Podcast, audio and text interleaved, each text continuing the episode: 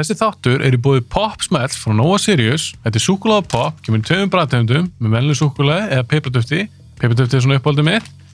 Þáttur er líka í búið Doritos, snakk frá ölgerinni. Doritos kemur í nokkrum bræðtegundum, þar að maður sour cream sem er uppáldið mitt. Ég vil þakka þessar fyrirtækjum kærlega fyrir stuðningin og ég vil líka þakka ykkur fyrir að hlusta að horfa á bíoblæður. Endilega fylgjið bíoblæður öllum þessum miðlum, YouTube, Spotify, Instagram, Facebook og ekki gleyma, næstu þetta að horfa á góða mynd, kaupa Pop Smell og Doritos.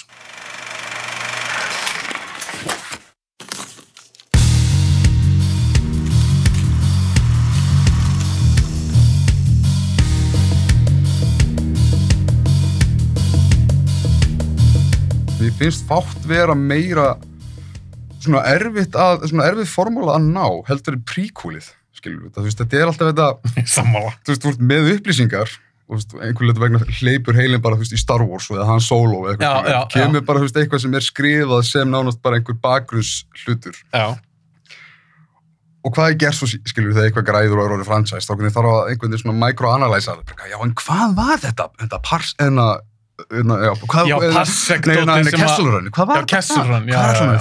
að teiningar sem voru bara eitthvað settskröð þegar þið voru að gera fyrstu myndina og gerum eitthvað þing úr því og þegar príkúlin að eðlisfari er einmitt svolítið svona að spora tilbaka og, og þurfa alltaf að enda á uppstillingum. en þurfa að vita allt. Það er eitthvað málið. Stundum er bara betra að gera það ekki. Þetta er bara mér. Þetta er bara partur af persónsköpunni. Mér minnir mér þessi einhvern tíma þegar við tölum um, eða komum inn á X-Men First Class, þetta er að nefna hann um í þessu samingi, Mm -hmm.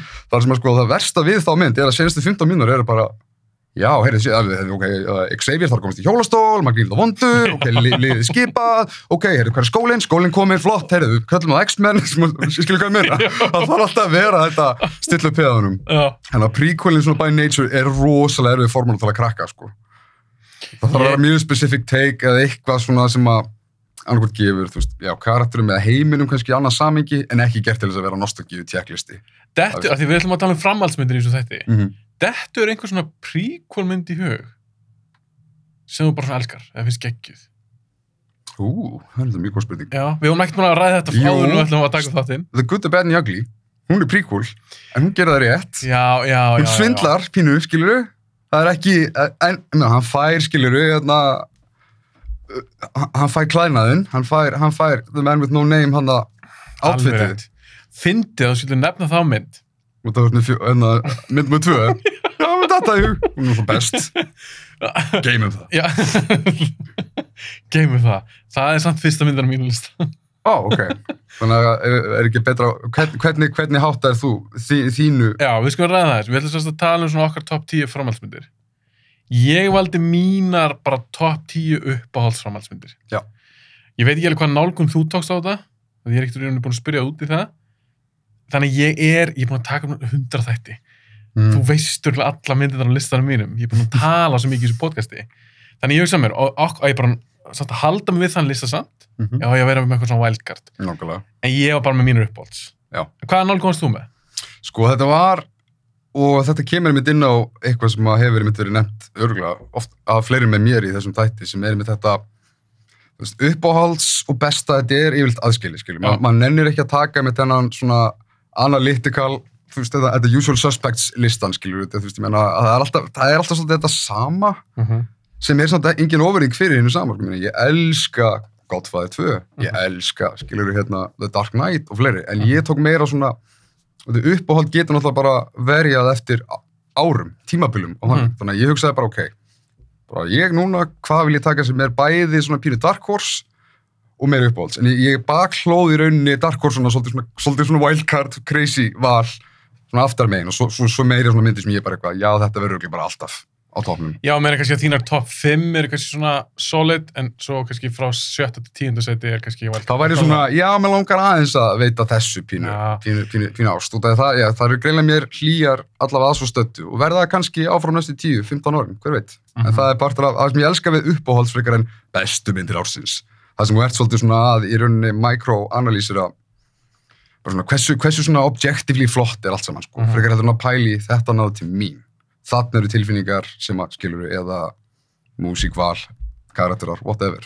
En þú skilir kannski stöðuna sem ég var í, að ég hugsaði mér, ó, guð, þú veist, ég, Ég verð boring í þessu þætti. Ég veit alltaf að ég tapa veðmáli ef þú nefnir ekki Terminator 2 á einhverjum tímapunkti. það kemur ljós. Það kemur ljós. Uh, þannig að já, ég hugsaði mér, hvað, á ég að vera eitthvað vosniður og reyna að fara eitthvað svona ótróðna slóðir Mhm. eða á ég að halda mig um minnlista og að ég er alltaf búin að tala kannski mikið um þessa myndir en fókusin er kannski meira á þig og þinn lista af því að þú hefur alltaf talað um þínar uppáhalds framhaldsmyndir Mhm. auðvitað hefur talað eitthvað um framhaldsmyndir við erum búin að tala saman sko samanlagtir okkar þætti held í sjö klukkutíma Já, þessi tveir það er meitringsstríleikurinn, sko. Það er bara eiginlega lengra. Þú ert kannski verið í Loaded og Revolutions á listanum. En hugsaðu mér, ok, gerum það bara. Þú veist, það er bara, ég er með minn lista, en púðurið verður væntalega meiri þín lista. Já, já. Það er samt líka gaman að fá svona bandirið. Þú Ég náttúrulega veit ekki alla þína. Þú veist, Nei. Ég með eitthvað, en ég hef aldrei, Nei, Og það- það er alveg góð svona entry punktur líka. Algjörlega, og líka, þó þú kannski viti myndina mínar, Mhm. þá kannski veist ekki endilega hvernig ég ranka þér. Nákvæmlega. Það er- Ok. Það er svolítið sportið. Þetta verður spennandi. Já. En ég ætla að spyrja það samt fyrst núna, á hann förum í top 10 listan. Af því ég fór, ástæðan ég tal, talaði við þig og vildi fá þig inn á þátt, að þú ert svona nörd, þú vilt pæla hlutum. Hvað, hvað er góða framhaldsmynd? Hvað gerir góða framhaldsmynd? Ég Mhm. veit ekki alveg hvort ég viti svara nákvæmlega. Mhm. Sko, uh, fyrst, sko, það er hægt að í rauninni hólfa þetta í tvent, myndi ég giska, sem er í rauninni, sko, bara, ef ég myndi einhvern veginn einfalda þetta sem mest, sem er bara, ég vil bara næsta kapla Mm í, í gefinni sögu. Vandamálið er, það er ekki alla sögur sem bjóð upp á næsta kapla, það er alltaf, þú veist, þannig að Það þarf svolítið að meta hverju sunni, en svo er líka, ég vil bara, já, ef að, ef að það þarf að vera framhaldsmynd, segjum svo einhver kemur bara eitthvað, heyrðu, bara, Tómi, Memento, hún verður að vera framhaldsmynd, hvað gerum við? Það er bara, ok, hérna, þannig að það þarf að vera annarkvort, Mm. bara næsti kapli, eitthvað sem byggjur ofan á karaktera, þemun, feeling, whatever, á, sem fyrsta myndin hafði, eða fara svolítið svona sína eigin átt, prófa bara eitthvað svo allt annað spinn. Og, og það eru, örugglega margvíslega dæmi sem við erum komum inn á út frá því hvað við veljum. -hmm. En það sem að framhalds, framhaldsmynd á allavega ekki að vera er eiginlega meira að minna það sem að þú sem áhróndi finnur fyrir þessum, þessum tjekklista. Þetta, svona, þetta græti bara meira því sama. Já, já, ég skilji. Eh, þú Veist, og, og það er nánast lengri listi yfir hvernig framhaldsmyndir eiga ekki vera þú veist, ég þólið til ekki þegar framhaldsmyndir eru og sérstaklega það eru gerðar af sama fólki og það eru svona pínu svona gaslæta mann Mm. með upplýsingar sem voru establisherar og svo bara ha, ha, nei, nei, þetta var ekki. Og gott dæmi það er eins og Ghostbusters 2 Ég var að hugsa. Þú veist að hugsa hana? Það sem skilur við, þá ertu bara með, gerum sömu mynd aftur, bara aðeins öðru sig og fyrsta myndin gengur náttúrulega þá að þeirra starta business, byrja svolítið svona sem lítil magnarnir og komast í fræðina og verða, já, og, svona up a sit game til þess að geta fengið fyrst montasið, allir að, Mhm. að kynast þeim og svo er mitt þennan, þennan klæmak sem kemur. Svo bara beint inn í mynd nú tvö, allt í nema enginn eftir þeim og þeir eru bara eitthvað Trúir algjör á enginn, botninum. það er Trúir enginn sem enginn. trúum. Það trúir enginn öllu sem átti sér stað í lókinu fyrstu myndinni, bara, bara New York Cityscape, bara draugagangur. Mhm. Já, já, ok, ég veit þetta fyrir interneti en þetta er samt too much. Og ég mitt líka, fyrsti aktin, eða rúmlega, gengur eiginlega bara út á það að þeir eru að sanna sig fyrir fólkinu, bara svona, nei, nei, nei, nei, bara, eitthvað, þeir eru basically aftur í upprissu og þá kemur aftur montansinn og þeir eru að fara í businessin. Þannig að þetta er, þetta er svona hluti sem ég get ekki framhaldsmyndir, sem, er- sem er að stelðstili gefa þér það sama. Já. sumar myndir eru bara, bara hreint út eins og Hangover 2 bara, við, við nennum þess ekki. Við ætlum bara í annar land. Hér er sama handrit, getur ekki bara aðeins krassaði yfir sund ok, flott, Taiwan, nei, Hongkong eða, þú veist, Já, hún einhvers í einhvers þar í Asju. Er bara Ég sá hann ekki. nei, gott, þetta var, ég held að það hefði verið hvað sterkasta dæmi um mynd þar sem ég bara eitthvað, má þetta? Og fólki var að þetta upp í salnum á þeim tíma, sko, bara alls svo fyndin ég bara, já, en hann er samt í liftunni aftur, þið týndu Sama. gaur. Bara svona, wow, en, en ég meina stundum, stundum er bara, stundum vill almenningur bara nákvæmlega það, bara, já, ég fílaði hengum mér, hún var svona hress. Og margir sem alltaf pæla ekkert í myndum er einmitt bara, þeir vilja fá svo tilfinningu aftur. Já, ég man þetta er hangover, sá hún sín tíma fer svo tvö og er kannski búin að gleyma hinni myndinni. Okay. Já, þetta finnst þú þannig Ghostbusters 2 að því ég horfði á þær ekki sé tvö ár síðan, horfði á back to back. Mér þykir alveg vænt um tvö, mér finnst það skemmtileg. Ég er eiginlega svolítið það líka ég verða að Já, hjálpa en það já, þetta er 100% þess að segir. Að því að þú- hún bara, hún, þar sem hún byrjar hún byrjar bara saman stað á fyrsta algjörlega. Og maður sko hvernig Transformers mynda gerir þetta? Nei. alltaf sama, alltaf yfir að byrjunarreit alltaf hérna, þú veist, þetta bara eitthvað, það var, já, aftur, Cityscape, Climax og bardagi, svo næstu mynd bara eitthvað, já, það er búin að vera hérna spottaðir hérna, róbóta hér og þar og svo kynna aftur allt á byrjunu, já, það var svo, það er svo baffling þegar þið langar svona pínu að fá entry-punktin inn í, í bíómyndina eða söguna. Þannig já, góð framhaldsmynd er eitthvað sem að tekur hugmyndir og eiginlega bara keira það á, á, áfram, segja, næsti kabli, bara eitthvað sem er svona náttúrulegt progression, mætti ekki að segja. Ég með þegar ég lítið við listaminn og þessast tíu myndir. Þá myndi ég segja að það er tvent sem kannski gerar góðar í mínum augum. Og þetta er náttúrulega fleiri þættir en það er þetta sem þetta er í hug. Það er nummer eitt er að, eins og þú segir, þetta er eitthvað svona framald af einhverju sögu. Það er eitthvað sem gerist í fyrstu myndinni og svo heldur kartin áfram í nummer tvö. Eða ég fæ eitthvað nýtt með sama karakter eða karakterum Mm úr fyrstu myndinni. Hvað er það fyrsta sem þetta er í hug þar? Ég verð að spyrja þetta, ég, ég haf flög strax í hugan einmitt ein mynd. Það er... og ég segja fyrst. Já. En þá ætlar ég að segja mynd sem var á listanum. Æ, krap, ok, þetta, þá, þá komum við að því, ok, ma, ég ætla rétt að skjóta inn, þú veist, en það nákvæmlega fyrsta sem flög í hausin þegar við tala um þetta setna, sömu karakterar, en eitthvað nýtt. Bill and Ted's Bogus Journey, Ég maður svo lítið eftir um tvö. er það? Já. En þú veist, þú mannst allan eftir að fyrsta myndin er skilur tímaflakk og Mhm. húlum hæ, úsla gaman og skilur úsla svona létt og brött. Var ekki dauðin í tvö eða eitthvað? Já, bara, tvö er rosalega bara svona súrealísk. Það þú veist, sömu karaktera, Oh.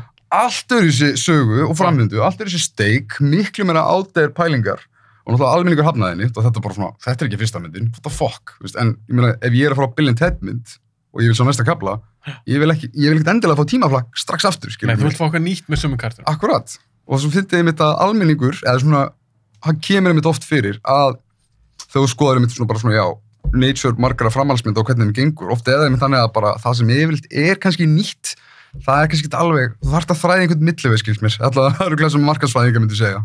Svona, mátt koma með nostalgíu, mátt aðeins svona winka hitt og þetta úr fyrstu myndinni, ekki ómikið. Nei, þetta, þetta er rosa trikki. Þetta er svo ein mynd sem við höfum aðeins talað um, að myndir, það er reit og reit tvö. Mm. Mér finnst alltaf þessi myndir. Allt öðru sem myndir. En ég vil það frekar heldur en hann hefur verið læstur aftur inn í ykkur húsi. og þú finnur alveg fyrir þetta, þetta er reyt framhald. Er, Já. þetta þú ert aldrei bara eitthvað, þetta er ekki að heita eitthvað allt annað. Nei, þetta er, þetta er reyt 2, þetta er næsti kabli, þetta er Mhm. gargantuan kabli, en það er fullkomin dæmi. Mhm. Bara þú veist, leikstjónum var bara eitthvað, ok, wow, þið fílið þetta, ég skal núna aðeins fá að leika mér, sko. Já. Og ég meina, jú, kannski er einhver að nútið sem hugsuðu, æ, nú langar bara eitthvað litla contained mynd, skilur, en Já, en þá getur bara hort á fyrst oft. hóla fyrst aftur um mitt, eða býta eftir endurgerðinni. Já. En já, þetta, ég er svolítið spenntur að fara í listana. Mm -hmm. Ok, Hvernig að byrja? þú ert gesturinn, þú byrjar. Á, ég byrja. Ok, Og skiptust á, þú tekur um tíu, ég tekur tíu, svo skal ég byrja næst. ok. Er það ekki sangja? Þetta tekið tíu allar eru þá, fyrst. Nei, Nei, og gott, ok, þannig að við erum, við erum, við erum já, við, við förum saman, við klífum saman upp þennan stega. Þú tekur tíu, ég tíu, svo tekur ég níu, þú níu og kolla kolla. Ég tók að mér svolítið crazy val mitt fyrir með tíundumyndina og þarna er ingangur svolítið þannig að þetta er mynd sem er í miklu uppáhaldi á mér, þetta er ekki, þú veist, þetta er ekki hún er ekki þúsund tölu uppáhaldslistanum mínum, en mér finnst hún frábær fyrir það sem hún er að gera og hún algjörlega innsikla svolítið hvað við erum að tala um. Mm. 22 Jump Street Já! og því hún er basically um það Ah. að hún er tilgangslist framhald þar sem að skipun uh, þessi, um það, manstu, uh, sástu myndina? Já, ég sá bara. Þú veist, þannig að, þú veist, basically, já, þetta eru hérna löggurnar í, basically, bara í undercover, fyrst er það hérna high school, svo er það college, og í fyrsta myndi nú þegar kom þetta á hvað, það var úrslega silly premise, bara einhver gammal ladies þáttur sem við erum að setja í nýjan Mhm. búning, svo grætti hún og hún var fokkfindin, Miller, vel. Lord og Miller voru snillingar, eða eru snillingar í því að, að gera eitthvað sem að enginn getur verið spenntu fyrir Mhm, og sína af hverju þú mátt vera spenntu fyrir því mhm. og 22 Jump Street er svo mikið bara um það að þú veist, þeir fá þessi skipanir, bara, ég gerir bara sama að virkaði síðast, Mm. haldi helst budgetunum eins og þeir eru út alla myndina að reyna eldast við að gera fyrst og aftur, en það virkar ekki Mhm. alveg fram að því sko að þeir eru þannig að já, þetta er, hún leysir svo upp í bara svo ógeðslega að finna steik sem er eiginlega bara eitt stórt spúf á gamanframhaldsmyndir maður þannig að þegar hann fyrir til kreidlistun og það er bara hver á eftir annari Jump Street 3 fjö- Já, alveg 23, rétt. 24 og fer alveg lengst út í Það raskat kom í lokin eitthvað svona djók. Er eitthvað djók, þetta er stórkostlegt montas, það sem þeir eru bara að sína hvernig í rauninu þú getur pimpa át fransæsunum og keirta til dauða. Það er mér að skipta út leikara með einu tímpunkti og svo kemur hann aftur og póstir hann ég mæli maður. með þessu. Uh, mjög finnst önnur myndin ekki eins fyndin, en handriti er solid og það er svo gaman að horfa á hana og þú horfur á það bara, djúvel er þetta klefur nálgun, sérstaklega eins og í samíkið sem ég var að nefna með Hangover. Mm -hmm. Þetta er akkurat, þú veist, þetta er creative Mhm. að myndin er svolítið svona að að finna sinn tilgang og meðan þú að horfa á hana, en hún er samt líka þú veist, rassins og grínmynd, bara stupid comedy Mhm. þannig að það er alveg, já, 22 Jump Street ég, ég, ég var alltaf svolítið svona að hana hann inn Þetta er mjög áhört pick. En þá verður ég að spyrja þig, á listanum þínum, mm. eh, er oft eða einhver tíman framhaldsmyndin sem þú valdir, finnst þú nú betur en fyrsta? Fattarðu? allar? Nei, nei, þess, finnst þér, nei, þú að finnst þér 21, 21 Jump Street? Já, já, já, já, Skilurðu mig? já, já, uh, já, 22 er betri en fyrsta en ég hlæ meira fyrst myndinni Ánægður Já, því, að þér finnst tvö Já, betri. svona bara, já, þetta, þetta, þetta er mjög skrítin, svona, skrítin dilemma sem ég oft komast að með grínmyndir. Mhm. er, að, þú veist, ég meina, er hún betri út í ég hlæ meira að henni, er hún betri út í ég svona, ber meiri virðingu fyrir kraftun og bakveg henni? Mhm. Er það meika sens? Þú veist, fyrsta Það myndi fannst mér bara fucking góð, en þessi fór svolítið svona the step beyond, þannig að mér finnst þessi betri. Og, og, og sest, alla þína myndar á þínu lista er alla betur nummer eitt. Alla, já, nummer eitt er það sem undan kom. Það kemur, það kemur að því. Það er ingangur undan hverju, sko. Ok, ég er nefnilega að fara að Það hugsa er að standa undir því að vera nörd. Já, ég er nefnilega að fara að hugsa, það, það kemur sér ljósa eftir, við ræðum það eins betur. Það er ekkert alltaf þannig á mér, Nei, skilur, en, en þá kannski er það 50-50 og mér finnst bara kannski framhaldsmyndin skemmtilegri. já, já, algjörlega. Ok, Númer tíu. nummer 10 á mér er for a few dollars more. Geð, geð. En, en þá er spurning, er ég að svindla? Er þetta framhaldsmynd? Já, Er það, er þetta sami karakter og leikur í Fistful of Dollars? það fer eða svona eftir, þarf myndin endilega að vera svolítið svona háð forveranum og þetta er í rauninni sko svipað með matmagstæmið, þetta er eiginlega svona, þetta er eiginlega bara definition of nýr kapli, Mm -hmm. hefur eiginlega ekkert með hinna myndin að gera, en þetta er skilur, þetta sami karakter nýtt thing og framhald bara by nature, þannig að já, þetta er alltaf, þetta, fra, konseptið framhald er komið alveg út í allar áttir í dag, þú veist, það er bara við erum með, eins og, eins og við höfum rættum, það er legacy sequel og preboot og þú veist, alltaf svona fjóraða myndin er svona Já, fyrsta myndin bara aftur eða vill maður hunsa hína framhaldsmyndar sem að almenningur hataði eins og Jurassic World myndar gerðu. Og, þú veist, og Terminator ítrekkað og fleira. Og þannig að þetta er svona og saman með Bond, ég meina myndir segja Skyfall sé framhaldsmynd? Hún, veist, hún er framhald af Daniel Craig Bond-þinginu en í rauninni já er það ekki framhald? já, þú veist, í rauninni eru allar Bondmyndir eftir Dr. No framhaldsmyndir svona þannig séð, mér finnst það að- það svona rétt snert í línuna en það er það, það eiginlega telst með og svo líka eins og með franchise-myndir Mm. svo, svo MCU þar þarf einhverstað líka að draga línuna þú veist, þú veist með Cap þríleikin en ert að fara að kalla Captain Marvel sem er skilju origin saga en hún er samt, þú veist hvað, 19. eða 20. 20. stæðina Er, það framhaldsmynd? nei, Nei. þannig að það er eins og það, það, það skal ég setja línuna En er þá lína kannski eins og þú talar um bondmyndar? Ef þú til þess hefði valið einhverja bondmynd, ég hef Mhm. aldrei sagt, nei, þetta, þetta meikar ekki sens. En var það ekki með Daniel Craig myndar? Að því gömlu myndunum, það var ekki mikið framhaldir hún á milli mynda. Breytist það ekki aðeins með Craig? Að þetta var sama saga, eða skilur, Jú. eitthvað sama, eins og Blófeld var allt inn á bak og allt í Craig myndunum og eitthvað svona. Manst eftir það hafi verið gert mikið af því í Já, það var svipað. Eða sko, uh, Craig-serían tók þetta náttúrulega lengra. Þá var bara mjög skýr stefna við erum að gera næstu, þetta er meina, Quantum of Solace hefst bókstaflega fimm mínútum eftir að Casino Royale er búin. Algjörlega. Þú finnur fyrir þessu. En, en þetta hefur nefnilega verið gegnum gangað í Bond-seríunni. Ég meina, þú veist, það er myndin það sem að náttúrulega George Lazenby uh, gifti sér undir lokin og hún er drepin. mhm, Þannig að bara strax eftir brúköpið. Svo hefst næsta mynd á því, Diamonds Are Forever, þar sem að Sean Connery er allt í hennu að reyna að finna Blofeld til þess að hefna sín. alveg rétt, það að er rétt þetta virkar eins og eins og þetta ekki að vera saman, en þannig er svolítið Bond-serien að segja, jú, leifins bara öll að vera með. En jú, það er algjörlega rétt að Tók þetta aðeins lengra? já, það kemur aðeins orginal, meira Ian Fleming inspired Sean Connery myndunum. Þær eru allar sjálfstæðar, en þú veist, Blofeld er samt þarna líka Hann er nokkur myndum. og það er alveg það er alveg ref, reffar hér og þar minni mig. En ég man bara þegar ég sá Spectre í bíó, félag mér satt til á mér, og myndin hálnuð eitthvað. Hallaði saman mér og spurði bara, "Heyrðu, á ég muna það sem gerist í síðustu mynd? Og Já. ég man ekki til að upplifa það þegar ég horfði á Nei, GoldenEye eða eitthvað. ekki bara það heldur öllum. Spektir fór alveg overboard með þetta. Hún ætlaði, hún ætlaði að taka þetta allt saman. Já, teng, hún var að tengja allar eitthvað. Þannig er rauninni organisationi sem átti að vera svona nýja Spektir í Quantum of Solace sem var þarna Quantum já. Svo kemur við þú heldur þetta áfram og þeir eru bara eitthvað, nei, hérna, Spektir er alveg Spektir, hérna, móðu fókir. Ég ætlum víst að hafa blófeld. Meira en það, þeir eru bræður núna. Sem er mjög fyndið að, Aus- að Austin Powers var búinn að sanspa á því. Og það var, var parodía á Bond og svo endaði Bond á því að vera með dauðaleyserinn og allt þetta. Alveg rétt. En já, allavega, vá, við fórum út í eitthvað alltaf. fór á Fjútalasmór er stórkvæslega mynd. Já, mér finnst það frábær mynd. Mér þykir rosa vænt um hana. Ég sá hana þegar ég var krakki. Hún var til úr Mhm. spólu heima. Ég Mhm. horfði ofta á hana þegar ég var yngri.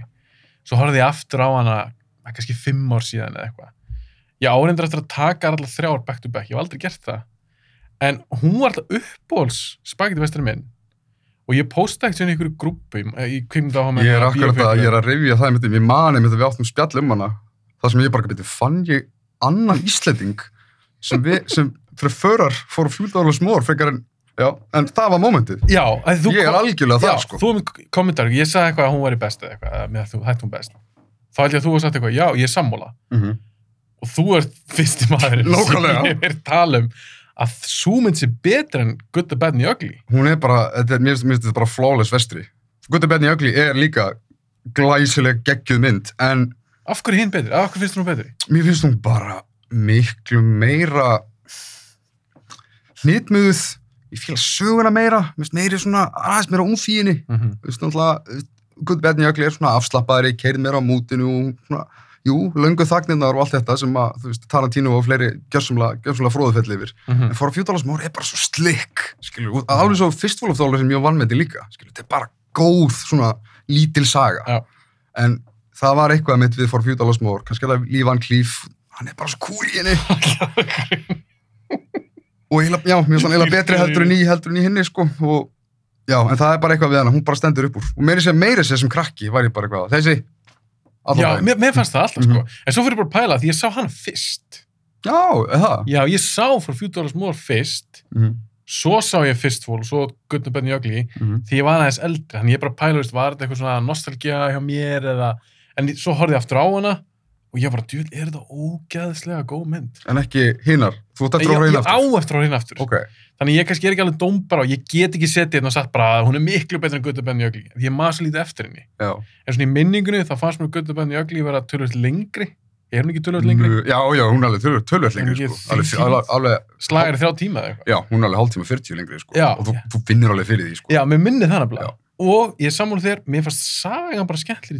það. En svo líka pínu með þetta element sem er einmitt, þú veist, þetta, þetta sacrilegious dæmi að segja sem er, þú veist, þetta með, það, mér finnst að pínu heftana að hún er prequel. Og þú veist, þú veist, með full, í formaðan svolítið, svolítið, hérna, hérna, Ístúr, nei. döðsilmennið, hérna, nei, hérna, huldumadurinn fyrir ekki, já, sem er hérna the man with no name. Já, já, já, hann er orðin svolítið svona karakterinn, Mhm. skilur, eiginlega alveg frá með Fistful og að, kannski er þetta bara eins og hvernig maður hann sem krakki, maður var alveg veist, það býð eftir að hann færi þangað, vegna þess að- en jú, örkin er áhugaverð, en sem hinn Ís- Íslendingurinn sem að horfði líka á þessar myndir í æsku, ég tók alla þrjár, Mhm. held ég að vera svona 11-12 ára kannski, Já, þá einmitt var einmitt þetta escalation, bara, fyrsta myndin, drullu fín, Já, þú sást það réttir röð. ég sá það rétt í þessum krakki mitt, þannig að ég er, Ok. að, ég er að koma með hitt hinn pólinn sko, Ok. sem er það að ég sá myndinar rétt, en þessi bara stóð upp úr. En mér finnst það líka að segja til um það að þú horfður á þessa fyrst, svo hinnar, en það voru ekki alveg, alveg að ná því. Nei. En hún er svo valmetin og sem, og það eru margir sem hafa bara séð þau guðu bæðin í ögli og því að Tarantino hættir ekki að tala um hana.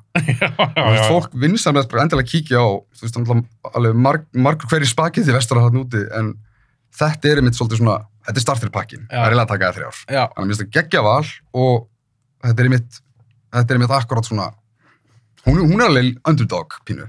mér finnst það, og líka þegar ég hugsa um, sko, eins og þú segir, það eru fullt af fólk sem bara búin að sjá þriðju. Já. Svo skuttu benni jögli. Myndur ekki segja að hún var í tölvört frægari. Jú, jú, jú, jú, jú, Sport. jú, 100%. 100%. Svona meira iconic og... ég meiri sem mana bara sem flesta úti, sko, þú spyrði einhvern meiri sem bara kvikmynda á hann á förnum vegi, bara nefnum að nefna alla spagetti vestra innan en dólara trilógíuna, bara go, skilju. Fyrst alveg dólaris, hvað hétt hann námið tvö? Já, einmitt, einmitt. allir munið að the Bad and the Ugly. Já. Þannig að, þú veist, þetta er, mm, En hún er alveg klárlega mitt pick, sko. já, Númer tvö. það er geggja pikk. En eins og ég þarf að horfa á all, allar þrjár. Mér langar að taka svona back to back, því ég bara einhvern veginn hef aldrei gert það. Ég háði mér svo Blu-ray. Engin Þetta er, sko, ég var einmitt að hugsa, þetta er, Jesus hvað, þetta er myndilega á Blu-ray, sko. Getið eitthvað svona pakka. Já, það er alveg, Ok, ég er með mjög súrt val fyrir númer nýjum maður. ok, en á ég ekki að taka nýja þá fyrst núna Endilega. og svo þú. Mjög súrt val. Ég er með svo mikið svona... Og ég lefði í til komið, ég var eiginlega svona bara, var þinn listi, er þinn listi óbreyttur frá því við tölum fyrst? Ertu búin að vera nosta nákvæmlega? Flott, ég er ekki. Ég get alveg líka sagt það. Þú sendið mér skilabóða þegar hún að ákvæmna þá. Já, Sendið mér til daginn eftir eitthvað. Vá, herri, þetta er ég held. Og ég var bara svona, Tommy, þetta er ekkert mál. Svo settist ég niður og byrjaði að vinna í listunum. Og ég skrifaði fyrst niður kannski 25 myndir eða eitthvað. Svo var ég bara, "Bíddu, hvað ég velja maður? Og hann breytt, hann breytti sko, ég er ekki að tjóka, hann breytist tvísvara þrísvara bara rétt honum í laða staðinga Nákvæmlega, sama hér.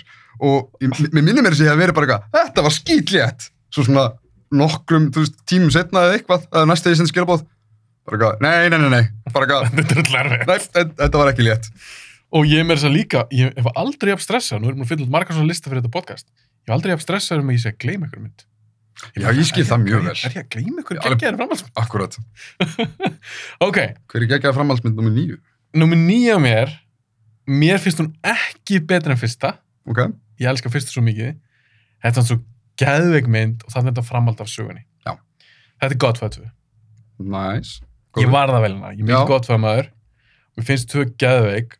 Mörgum finnst hún vera betra en fyrsta. Já. Ég veit ekki hvað þú standið þar, en ég er ekki, ég er ekki þar. Ég er bara brand og í fyrstu, finnst hún bara svo svakalur. Mm -hmm. Og ég er svona 50-50 með tímaflakki í tvö. Já, hún er náttúrulega sögulega þekkt sem bræðingur af Mhm. framhaldi og príkvöli.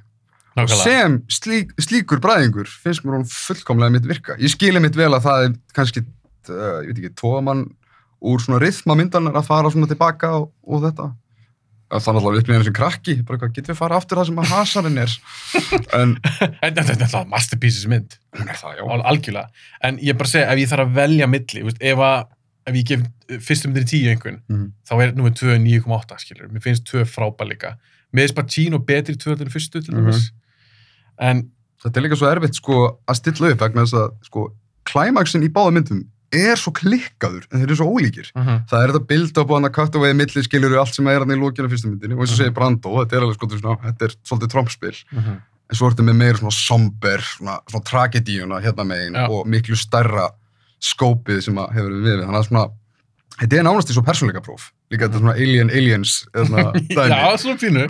Svona, Terminator, Terminator 2 eitthvað svona þetta og þannig að Hvað kýrst þú? ég, sko, ég verða að velja Godfather 2 bara millimetr og það er alveg bara út af þessu úfi sem hún gefur svona pínu auka en ég meina, þú veist, þetta er, þetta er mjög erfitt val sko. þannig að ég, það, það kemur aldrei óvart þegar fólk kemur að minnst fyrsta aðeins betri svona, já, þetta er, þetta er damn góða myndir Nei, þess vegna líka, ef eitthvað séu 2, ég get aldrei sagt, nei, þetta er rámt hjá þér. En þetta er bara svo geðveik mynd. eins og það með þrjú, nei, Já, mér þætti það skrítið. Ef einhver vilja þriðji fram við 1 og 2. ég gerði þannig þetta sem krakki, en ég vissi ekki neitt sem krakki það var bara því að mér ást- hérna, gráturinn hjá Pacino svo góður hann í tröppunum, sem er enda já, ekki, já. to this day, að þá geggjur en Það geggjur sérna. og svo horfum hún í samingi, við veist ekki, og tekur það back to back to back, þú finnur alveg bara, wow Já. það vantar eitthvað og það er ekki bara James Caan. Nei, nákvæmlega, nákvæmlega. Þannig að ég valdi gott það 2, finnst þetta æðislega mynd og Mjög episk. episk mynd og De Niro alltaf geggjar í henni. Finnst það nú löng? En þú veist, mér finnst bara gott það myndirnar. Þegar ég sé myndirnar, jú, ég tek þess að þriði með, ég tek hann oftast með því ég horfa þar. Mér finnst það líka bara svo, mér finnst það elda svo vel. Það gera það. Bara tónlistin í þeim, þetta er svo ég sagt í eins og podcasti, þó ég drekki ekki sjálfur áfengi, þá finnst mér þessi svona, fá eitthvað svona gott gammalt rauðvín eða eitthvað Mhm. svona, þetta er bara, þetta er eitthvað svo mikil, þetta er svo mikil gæði. Já, já, já. Nákvæmlega. Og ég finn það alltaf í horfarsmyndir. Já.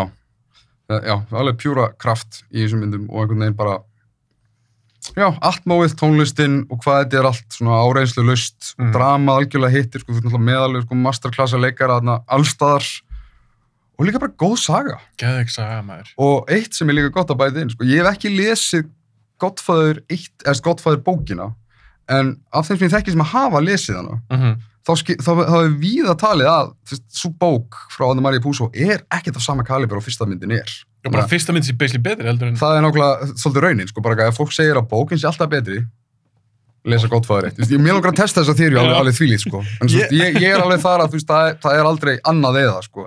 þannig að veist, eins og. Fight Club bókin er verri en myndin svo það er mjög sem tekið þannig að svona, Já, ég skilji. Mér finnst til dæmis, nú er ég að hugsa, ég fór alltaf að hugsa með eina mynd að ég hef lesið þá, þá bók. Uh, eins og Hellraiser, ég er mikill Hellraiser maður. já, hei, sama hér Ég elska fyrstu. já. Mér finnst það betur bókin. Svo myndin er betri en bókin Já, Já, já, já. hvort þú last Hellbound Heart bókina. já. Hellraiser, sorry, ég var, ég var ég, heilum var á Hellblazer í smástund en það Konstantín Nei, nei, nei, já, já, já, já, já, það Hellbound Heart Hellraiser. já, ég ætla Pinhead. að elska hérna, Clive Barker Mhm. þannig að þú veist, já, Já, þú veist, bókin finnst mjög skemmtileg og góð, en og ég þarf að lesa þessa bók aftur shit, hvað sem ég gæst er frá honum sem ég elska þetta er cool bók. Ok, Godfather part 2 er mér, nummer 9. safe, safe en gott. Er- Go- er gott svar. þetta er svona dannað. Og ég ætla að velja, ég, ég ætla að velja mynd sem er ekki dönnuð. Hvað ætlar ertu að koma eitthvað rögg? já, Hvað, en Jesus hvað þetta rugl talaði til mín. Hvað myndir þetta? ég valdi, þú veist það, ég, ég tók svolítið stans. Kemur þessi heldis ingangur aftur. Ah. það sem ég hugsaði, ok, mér lang það kom þessi pæling. Er ég að fara að velja einhver MCU mynd? Er ég að fara að velja eitthvað, þú veist, svona í þeim þeim dálki, Já, ég driftaði svolítið mitt svona þetta líka, þú veist, á ég taka Dark Knight. Ég elska Dark Knight, já. Meira uppáhaldi mitt en alltaf Dark Knight Rises Já, ég er, er að býta að hún sé á Nei, listanum. ég er búinn að, er að taka það en svo sá ég ofrítið mynd sem að ég bara einhvern veginn er komin með í bara alveg naglhart uppáhald en það er ekki margir sem eru sammála því Þannig að ég ætla bara að hendura listan út því að hún er framhald. Svona, jú, jú, jú, hún er víst framhald. Ha? Zack Snyder's Justice League. Já, Snædika. Snyder Cut. Já, áhört þig. Mér fannst hún góð, sko. Mér fannst þessi mynd amazing. Ég er bara sko, of löng, nei, þetta var bara sprawling, meira svona, ég anda, svona, ég myndi miklu meira setja hana í, í, í anda á Lord of the Rings mynda, skilur svona epic, bara svona, bara biofantasía. Mhm. og það skópið hann er svo geggjað emotional skópið hann er svo geggjað hún ætla líka gerir það sem að flest, fæstar ofriðli myndir geta gert sem er svona þögnin, svona litlu momentin skilur, sem er ekki bara að keira plottið ja. eins og, eins og, já, flass að bjarga konni hann úr bílnum Mhm. eða bara alls konar litlu íslenski grettusengurinn skilur, og alls konar dæmi í myndinni Hún fekk að anda. hún fekk að anda og ég, sko, ég er ekki mest í Snyder gæi heimi, sko. ég fíla alveg mann stíl BVS var ég ekki hrifin af þannig að hún er náttúrulega þriðja myndin í þeim Þetta er stíl. framhaldsmynd, klála. hún er klálega betur hinnar, finnst mér og þarna fór ég svona að sjá Zack Snyder leikstjóran sem að mér fannst hann lengi svona einhvern veginn ekki alveg ná tökum á. Mhm. Þú veist, allt sem feilaði í Sucker Punch bara svona ideologíst og hvað bara svona visual stíl varðar mér fannst hann algjörlega virka í Zack Snyder Justice League, eða í rauninni bara Justice League. Út af því líka hinn að mynda voru svolítið svona út um allt sérstaklega BVS, þetta bara hún reyndi að gera of mikið. Hvernig er þetta direktors hvað það henni? uh, minnst að skára, meikar aðeins meira sens en þetta, myndin er samt allt of mikið að reyna að, þú veist, hún er að reyna að vera fimm myndir í einu og, og, og það hvað hún líður mikið fyrir það finnst mér betra bæta Justice League vegna þess að hún er bara streamlinað þess hell. Þetta er, sko, þetta er nánast þessu ultimate o- origin myndin. Þú ert bara með þetta origin sögur bara á bara all liðið líka við sko. Og þú ert með rosalega grandiós hasar, rosalega grandiós sem er svona þemu og alls konar. Og mómentið sem það sem ég hugsaði ég, ég, ég, hugsaði þegar, þegar þetta var að nálgast svona, ok, ég vona bara sé betri en krappi sem kom í bíó. Mhm. Þannig ég bjóst alltaf við svona, ok, þetta verður vonandi betra. Ég bjóst ekki við að ég myndi bara fokkin tárast yfir þessari mynd. Sem, sem, sem kemur í formi sko tveggja risastóra klæmaksa hann undir lokin sem er sko ert með emotional klæmaks sem er bara, þetta er með svalari senum sem ég séð í ofriti með punktur með flass Já, og heiminn og allt. En þetta er ekki klæmaksin, þetta er ekki aðal emotional klæmaksin, það leiðir í annan með Cyborg og ég bara, ég, ég drakk þetta alveg í mig, sko, alveg bara, ok þetta er grandiós ofriti mynd ég hefði, sko, ég hefði, hefði tilbeðið þessa mynd ef hún hefði komið út að ég hefði verið, þú veist, svona milli 8 til, þú veist, þú veist, 15, 16 Mhm. og mér er bara rosalega andum þessa mynd og sem bara cult entity það að hún hefði já, einhvern veginn svona komist inn í kosmosin sem svona rosalega mikið uh, hún er svo mikið vision, Mhm. augljóslega en hún er líka bara hún er svo, hún er svo, hún er svo gonzo Mhm. hún er bara einhvern veginn svona, já, hann er bara þetta, þetta er take það er ekkert einhvern veginn svona færibands og mikið við hennar finnst mér og ég, já, mér er indislega andum þessa mynd hef séð hana oftar en ég kæri mig maður viðkjanna Já, eða hún kom alltaf bara út núna í hvað, februar, mars Hvað hún hvað út? er smá horfa hann á? Kom ekki, Uh, ekki í mars? Gæti verið, eða, veist, ég, ég, ég, þetta var eins og myndi sem ég bara eitthvað, heyri, kótið hérna, við sem að horfa þetta eitthvað svona, að ég sá hérna og var eitthvað svo mikið drasl, já, já, kótið, kótið, vertu, vertu með mér virkaði ekki alltaf, en stundum virkaði það Ég hefði enga trú á þessar mynd. Ég er nefnilega, ég sá að rusli hann sem kom í bíó mm -hmm. Og ég var bara, hvað, svo heyrði ég að þessu, snæti hvað. Þessi hriðverk voru þetta samt, sko, í retrospekti líka. Ég meina, þetta er, þetta er ekki eins og sambarlega myndir. Það er bara eins og einhver tók mynd sem var, sko, þetta var mynd, hér er sagan. Og svo bara er einhvern veginn, já, en hann er að hólfa þessa mynd bara í tvo tíma, það var alltaf skipunin. Og Já, ég, vil já, svo sem ekki endur taka eitthvað sem hefur kannski verið sagt í, í snættirkvæð Nei, það er allt í góðlega. En, já, basically, hann, Snædir þurfti að stíga frá vegna, Mhm. vegna og, og að framlegandi þessara mynda, Mhm. Deborah Snyder, þau eru teimi. En deadline er, er að nálgast, það er mörtsið sem þarf að framlega, þannig að þú veist, og, ein, Dótið. og Warner segir alltaf bara hvað, veistu, uh, allir hötuð BVS sem alltaf var sjálf líka bútseruð, Mhm. þau basically voru bara eitthvað, hvað er þetta, hvað er þetta, Já. segir svo bara, getur þú sett þessa mynd í tvo tíma? Tvo tíma? Skilur, og ráða þeir í mitt inn, hann að Joss Whedon sem átti að uh, sjáum eftirvinnslu á basically kliftri snædirmynd, en það reyndi svo ekki vera raunin. Ma- Hann bara veggja króta þessa mynd í tætlur. Og, Í- en ma- ma- mér finnst að þessi samanbyrður milli sömu beinagrind, uh, beinagrindar og, og útkomu, milli þessara beggja, mér finnst þetta ætti að vera bara kent líka við, sko. En Manstu eftir öðru dæmi þar sem þetta var svona ekstrím? Á milli bíótgó og direktorskött. Svona svakal ekstrím. spurning með Richard Donner cut eða svona tvö, það er svona kannski það næst sem að það gemist Dominion, hann að Exorcist myndin sem að glemtist sem að Paul Schrader gerði var svo síðan Exorcist a Beginning sem var reshootið til að Renny Harlin kom út. En Kingdom of Heaven, ég hef ekki séð direktorskött, en hún hefist að vera, stórkosleg, er mikill munur. mikill munur þetta er basically bara, þetta- það er, það er annað príma dæmi sem ég mæli með fyrir bara fólk sem er áhuga á kvikmyndagerð, sögu og sérstaklega svolítið þetta uh, og þetta kemur upp í kollin þetta kvót sem er, veist, engin góð mynd er endilega, þú veist, of löng, alveg svo engin slæmynd er nógu stutt. Já, já, já. Þannig að, þú veist, Mhm. og Kingdom of Heaven, samanbörðurinn, sýnir hvað gerist þegar þú tekur út hluti sem eru ekki plott, eða skilur sem eru ekki, þú veist, hasar eða sjónaspill, Mhm, og oftast er það fyrsta sem er látið fjúka, mhm. svona karatimomentin, svona tengingapunktin, Það er svo mikilvæg. en, en að því sögðu, sko, með Kingdom of Heaven, það er exceptional kjarnapunktur sem þið tóku myndinni, sem gjörsanlega breytir allri frammyndinni. Og þú veist, þetta, þetta var sumarmynd á þeim tíma, skilur bara svona summer release, Orlando Bloom að plakati, já, já, ok, sverð og sandalar, þú veist, en þetta var aldrei, þetta átti aldrei að vera þannig mynd. Hún er miklu meira svona, já, hún er, Drama eða já, bara stríðsdrama, miklu meira þannig heldur en eitthvað svona crowd pleasing gladiator dæmi. Ég er nefnilega sá hann í bíó, bíótgóna. Ég var ekkert sakalega hrein. Nei, sama hér, ég er svona, og þetta var, þetta var fram að, myndi ég segja öruglega snæður, Cuttin og Justice League, þetta var stærsta gæðastökki sem að mynd hafi tekið. Ég, ég verð að sjá hana. En svo stuði hérna Richard Donner útgáfuna, Súman 2, Ég held ekki. Ég Ok. sá bara það er mjög áhugavert að sjá það líka. gömlu. Er mikill munur á þeim líka? Já, eða svona alveg talsverður, eða svona ala tónnin, endirinn og svona litlir hlutir, en já, nei, það hef aldrei, ég hef aldrei séð neitt, allavega, við hefum aldrei séð að opinberað upp á þessu magnitúti sem að snæðurkvættið var, skilju. Nei, það var, það var rosa. Ég man bara því að horfa á hana. og ég var, að því ég var mjög skeptiskur. Já, Svo var ég bara eitthvað, býtu, okkur finnst mér það svona skemmtilegt.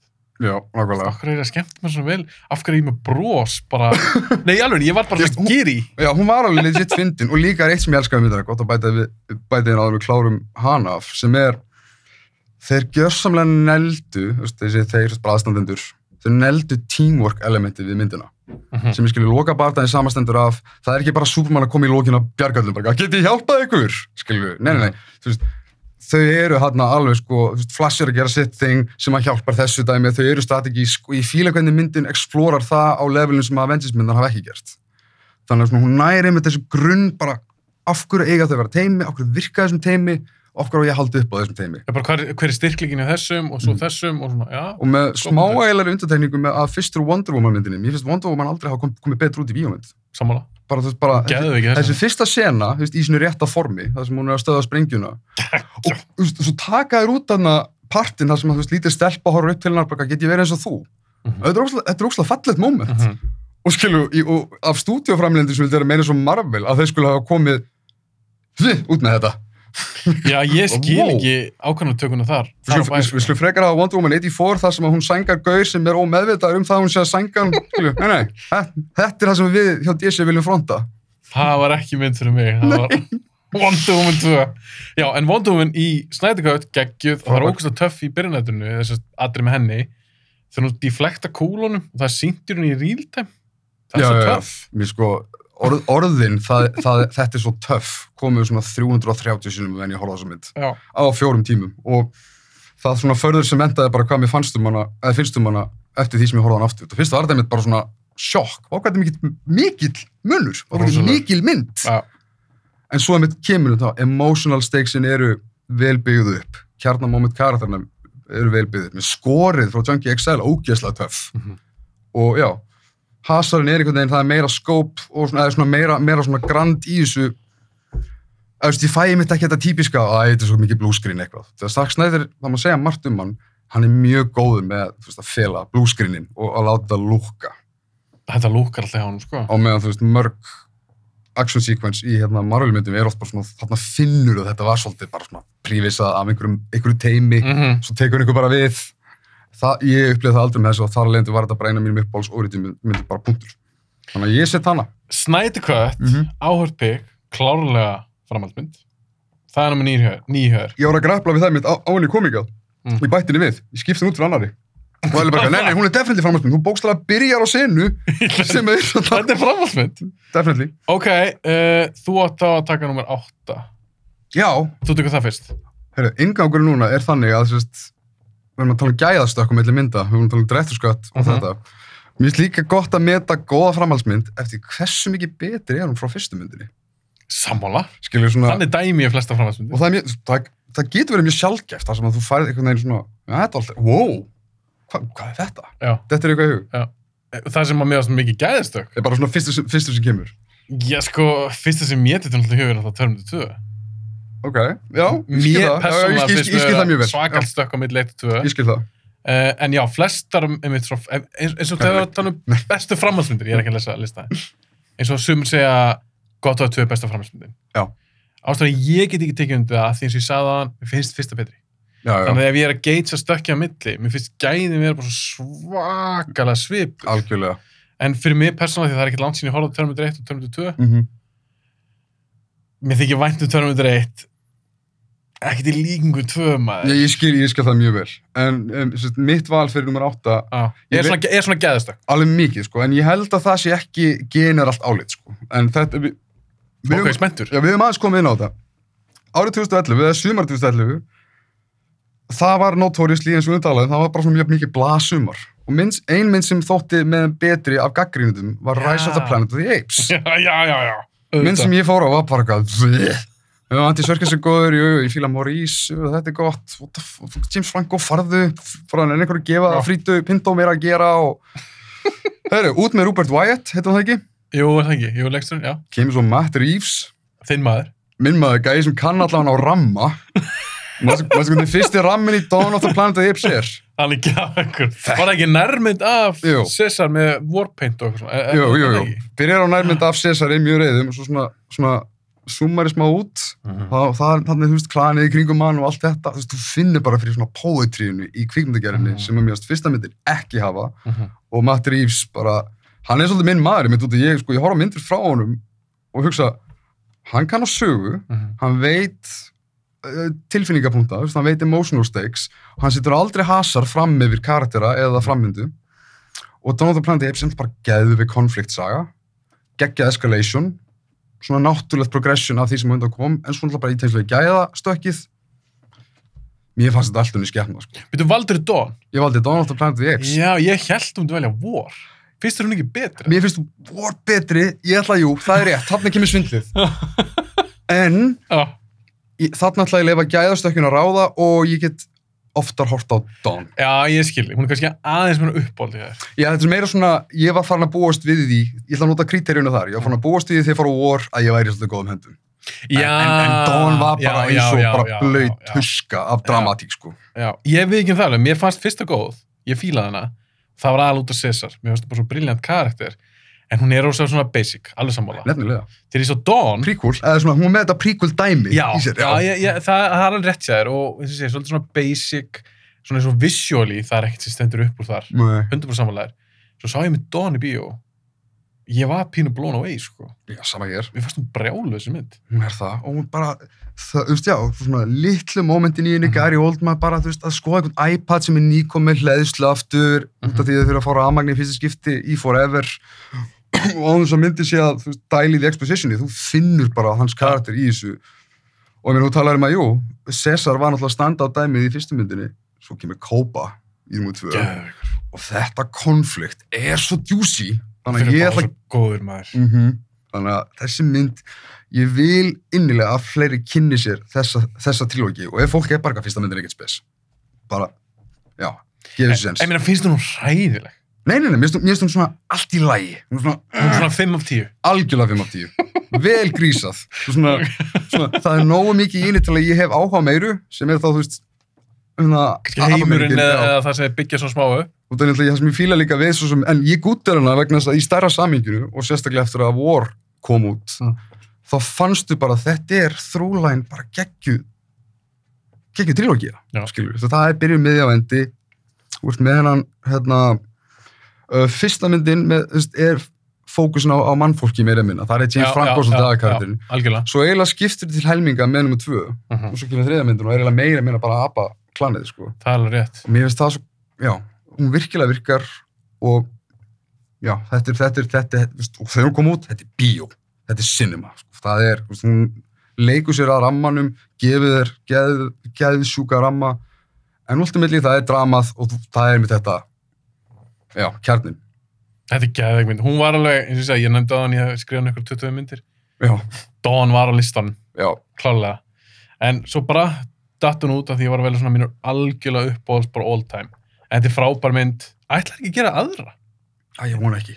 Þetta, Ég held þetta er það. svo fullkomið eins og þetta er. Þeir mega, þeir mega, þeir mega rýbranda Planet of the Apes seríuna innan gæsalappa eins og þeir vilja. Mm En bara já, leifið þessu entity að vera. Það má svo, ne, þá kemur þetta eitt orð aftur. Þau munum ekki hérna, var það, preboot, legacy sequel, legacy sequel til að gefa fólki smá svona skilning á því. Það er basically þegar oftast er áttuðum fjórðu myndina. -hmm. Það sem að, ok, og, þú veist, með, mannstu þegar það var tímabil, það sem við áttum bara okkar næst þríleiki. Og bara, það var allt mólandi í þríleikum. Það er liðin tíð. Það er liðin tíð.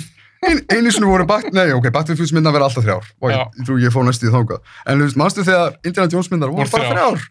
Og Star Wars myndar, það voru eins og bara þrjár. Þú veist, ég gúttraði sex. Þannig að hérna... Nú er það nú er það nýju og bara og nýju plú- plus. Já, nýju plus, á Disney plus. Og svo er mitt, hérna, einu sinni voru Rambo myndar bara þrjár. En það, þú veist, og, og, og þá kemur Legacy-kúlið sem er svona eiginlega sjálfstæði, en líka svona retrospection. En það sem algjörlega breytti þessu var 2015 Jurassic World sem basically kom bara, þetta er legacy sequel svona í rauninni svona spiritual successor við fyrstu myndina Hvernig fannst þér þessar worldmyndir?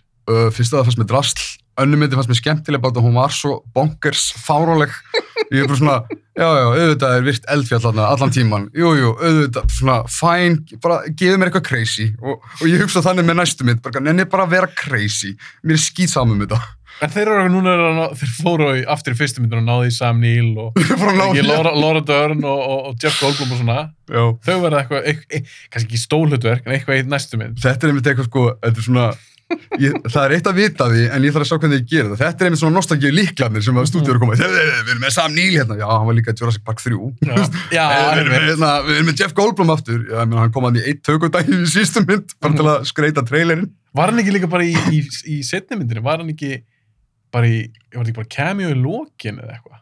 hver er það? Jeff Goldblum?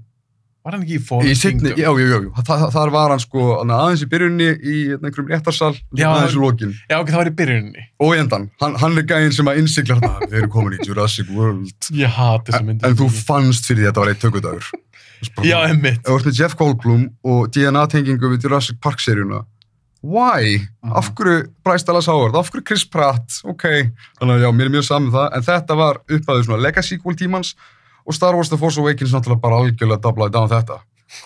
Bara, þú veist, við erum eiginlega mynd nummer sjö, en við erum samt eiginlega svona ný nummer eitt líka Já. og við erum svona það að kópera orginalmyndina. Þannig að þú veist, þetta er bara, þetta er orðið svo mikið frat. Jason sem Bourne, það er gott dæmi. Ég fílaði að mína Bourne-myndir bara þrjár, en ekki fimm. Byrju, já, það kom, kom ekki fyrst með Renner. Það Jú, var að tala um já, eftir já. þessar þrjár. Já, Kom sem slapp. Það var svona, já, já, gerið Hvern- Hvernig, ég sá ekki þessar nummer fjóra og fimm. Voru það skemmtilega það? ekki góður. Það, það, það, það var potential í Born Legacy þetta var svona offshoot saga.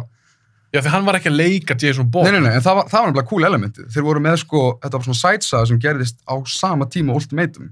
Alveg. Þræðingi var alveg cool, Ah. handritið var bara, ja, flatline. En hvað heitir hann? Er þetta ekki Tony Gilroy sem, Jú, sem skrifar þetta? Leikstir hann Jú. ekki líka henni? hann leikst þér henni, jú. En Gringans kom aftur í, í fymtuð ekki? Já, og manstu hvernig þeir voru alltaf tísandi við, hérna, bara the fans, hei, ætlaði að gera aðra bormynd. Já, þegar rétta handið er komið, þá skulle ég gera það. Svo Ah. spyrir Matt Damon við hverja einustu frumsynningu og hverja sem hann gerir. Hvernig ætlaði að gera borm fjúr? Já, það er gríngrassi til og hann segist vera til þegar við fáum rétta handritið.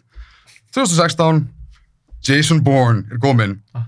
sem er bara einmitt þetta Force Awakens, við sem bara remixa hinar minnar allar. Er þetta bara drastlega? Mér finnst það hræðileg sko. Það eru- eru góðir síkvensar í henni, en Jesus bara svona á, á svona hugmyndaleveli, á handrisleveli og sérstaklega upp á karakter, svona arkar-leveli fyrir Jason Bourne, ég er bara svona, mér finnst það móðgun. Það er bara svona, við erum búin að fara alla þessa leið, bara þess að, ok, ekki málið, já. fyrir nostalgíu líklana. Já, ég skilji. Að, Myndur þú sérst kjós, ef þú þyrftir að velja, hvort finnst þið skemmtilega eða betri, fjögur eða fimm? Myndur þú velja fjögur?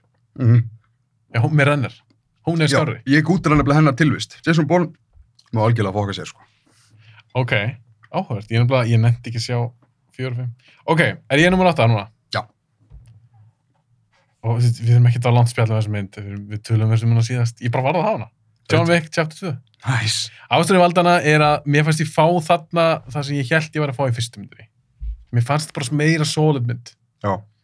Þannig að já, geðveik, við þurfum ekkert að langt spjallum hana, við erum búin að ræða hana svolítið mikið, Mm -hmm. tókum hann í síðast þætti, ára og tvö þættinum okkar sem var fjórir fucking klukktímar. Ég hvet fólk til þess að checka á Það honum, er eitthvað góðið, það er gaman, sko.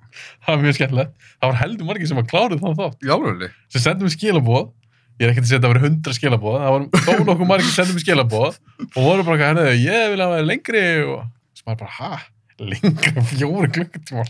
Ég meina sko, maður tekur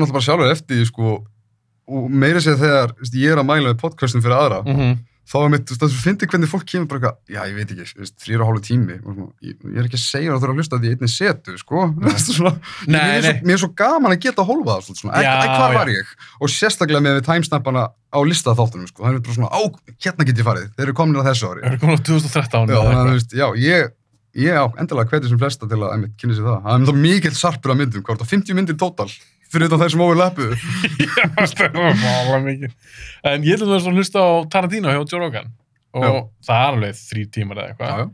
En ég tók hann í, nákvæmlega, þannig að lengdin svo sem trubla mig ekkert, en ég veit ekki hvort það geta verið inn í 5-6 klukkutíma Ég og meina það er ekki lengdin, það er notagildið Það og það er sko, það, það, er, það, er, það er mjög fáir að fara að stíga frá, frá þeim þætti við hlustunni við að glápi á þeim þætti á að koma, ég til að tjekka henni aftur.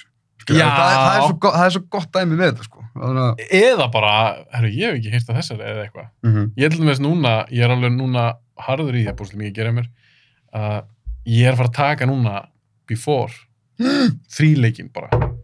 Ég hef ekki séð neina og ég er mjög spenntur að upplifa, þú veist, það er allar komnar. Ég get hort á þar allar þrjár.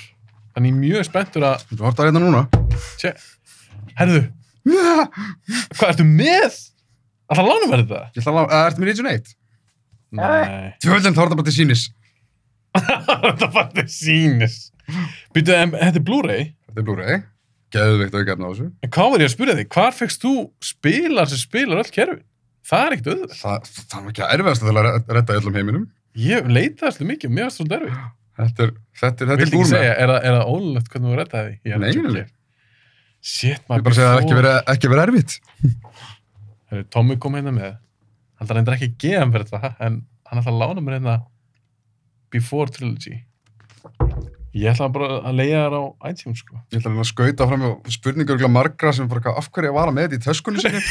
ég var reynda ekki sagt. En, ég, veist, en maður kemur alltaf undirbúin, það er ekki bara glósubókin. En gott skraut sko, og djöðlir að ánæra að heyra þessi orð, að þú sért svona svolítið að láta þetta gerast. Þú bara, veist, ég vissi að það af þessum myndum, en þú 100% seldi mér þær Mhm. og ég er mjög spenntur að taka þær. Myndur þú mæla með að taka þær svona back to back eða eitthvað Mhm. leifa þeim eitthvað anda, eitthvað? Leifðu algjörlega tíma að líða mitt þeirra. Bara svona, Þú varst ekki náma bara vika eða mánuður eða eitthvað? það gæti alveg komið fyrir, veist, ég hef alveg heyrt að mar mörg, margir eiga kannski erfiðast með fyrstu myndina. Mm er svona, svona viðbyrða minnst, ef svo má segja, en bara leiði, skilur, hangout mynd. Rómó, hangout mynd, existentialísk. En hver mynd hefur sinna eigin rithma? Það er það sem ég elska við þær. Aftur, dæmi góða framhaldsmyndir. En En er þetta ekki líka bara svona karakter leikaramynd? Ég fíla alveg jú, jú. Og eiginlega bara myndum bara lífið tilveruna og hvaða janskotunum er það sem tengir fólk. Og bara, þú veist, alls konar slíkt, sko. Ég er ennbla ætla, ég, ég hugsa mér, ég ætla að koma Tom á óvart og vera búin að horfa allar hann í hitti núna, svo bara, svo bara náði ég ekki. Þannig að before, alveg klála, ég vil tjekka á henni. En takk fyrir að vera með henni í töskunni. Kann að mynda fréttinnar. Góða fréttir. Endilega Ok. spamaði mig þegar það búið. Ok, hver eru Já, við? ég læti vita þegar ég er búin að horfa þær. Uh, ég var nummer 8 og ég hef þá ekki takað 7. Ég var með John Wick 2. Ó, guður, nú er ég með annað crazy val. En djúðlega er stoltur af þessu. En það er samt gaman því ég hugsa að við sem ekkert með margar sumu. Nei, og ég held þessi ekki fræðilegur að ég sé að fara að selja þér en ég einhvern veginn presenta mikið case fyrir þessar mynd. En þetta kannski útskýrir meir en annað Mm. hvað ég er rosalega mikil aðlæta á kvikmyndir. Þú veist þetta, ég hef alltaf, Ok. ég hef alltaf hald, sagt og fullirt að þetta, þú veist, það er ekkert sem ég neita að horfa á. Þú veist, ég er ekki gæðin sem segir ég get ekki söngliki eða ég get ekki, þú veist, Nei. pólitíska thrillera, að ég get ekki eitthvað svona eimdardrama, þú veist, það, er bara verjar Þú ert til í allt. nema íþróttamyndir með dýrum. Þú um það er bara svona, ég horfa á cover fyrir Airbud eða eitthvað svolítið, ég er svona, já, bara, það er bara glerveggur á milli, ekki einu svona forvitni. Þannig að bara tvö er ekki hér. Ég held að það gerður ekki framhaldsmyndaðari. Ég er alveg, jú, alveg, alveg margar, sko. Já, það voru nokkrar. En uh, þetta er þetta er hot take en elskulegt val og að, aftur þetta snýr að gæða hoppi millir mynda. Alltaf, er þú að taka sjónum fyrst? Er ekki Er ég? það ekki? Já, sorry, það er tvær í einu.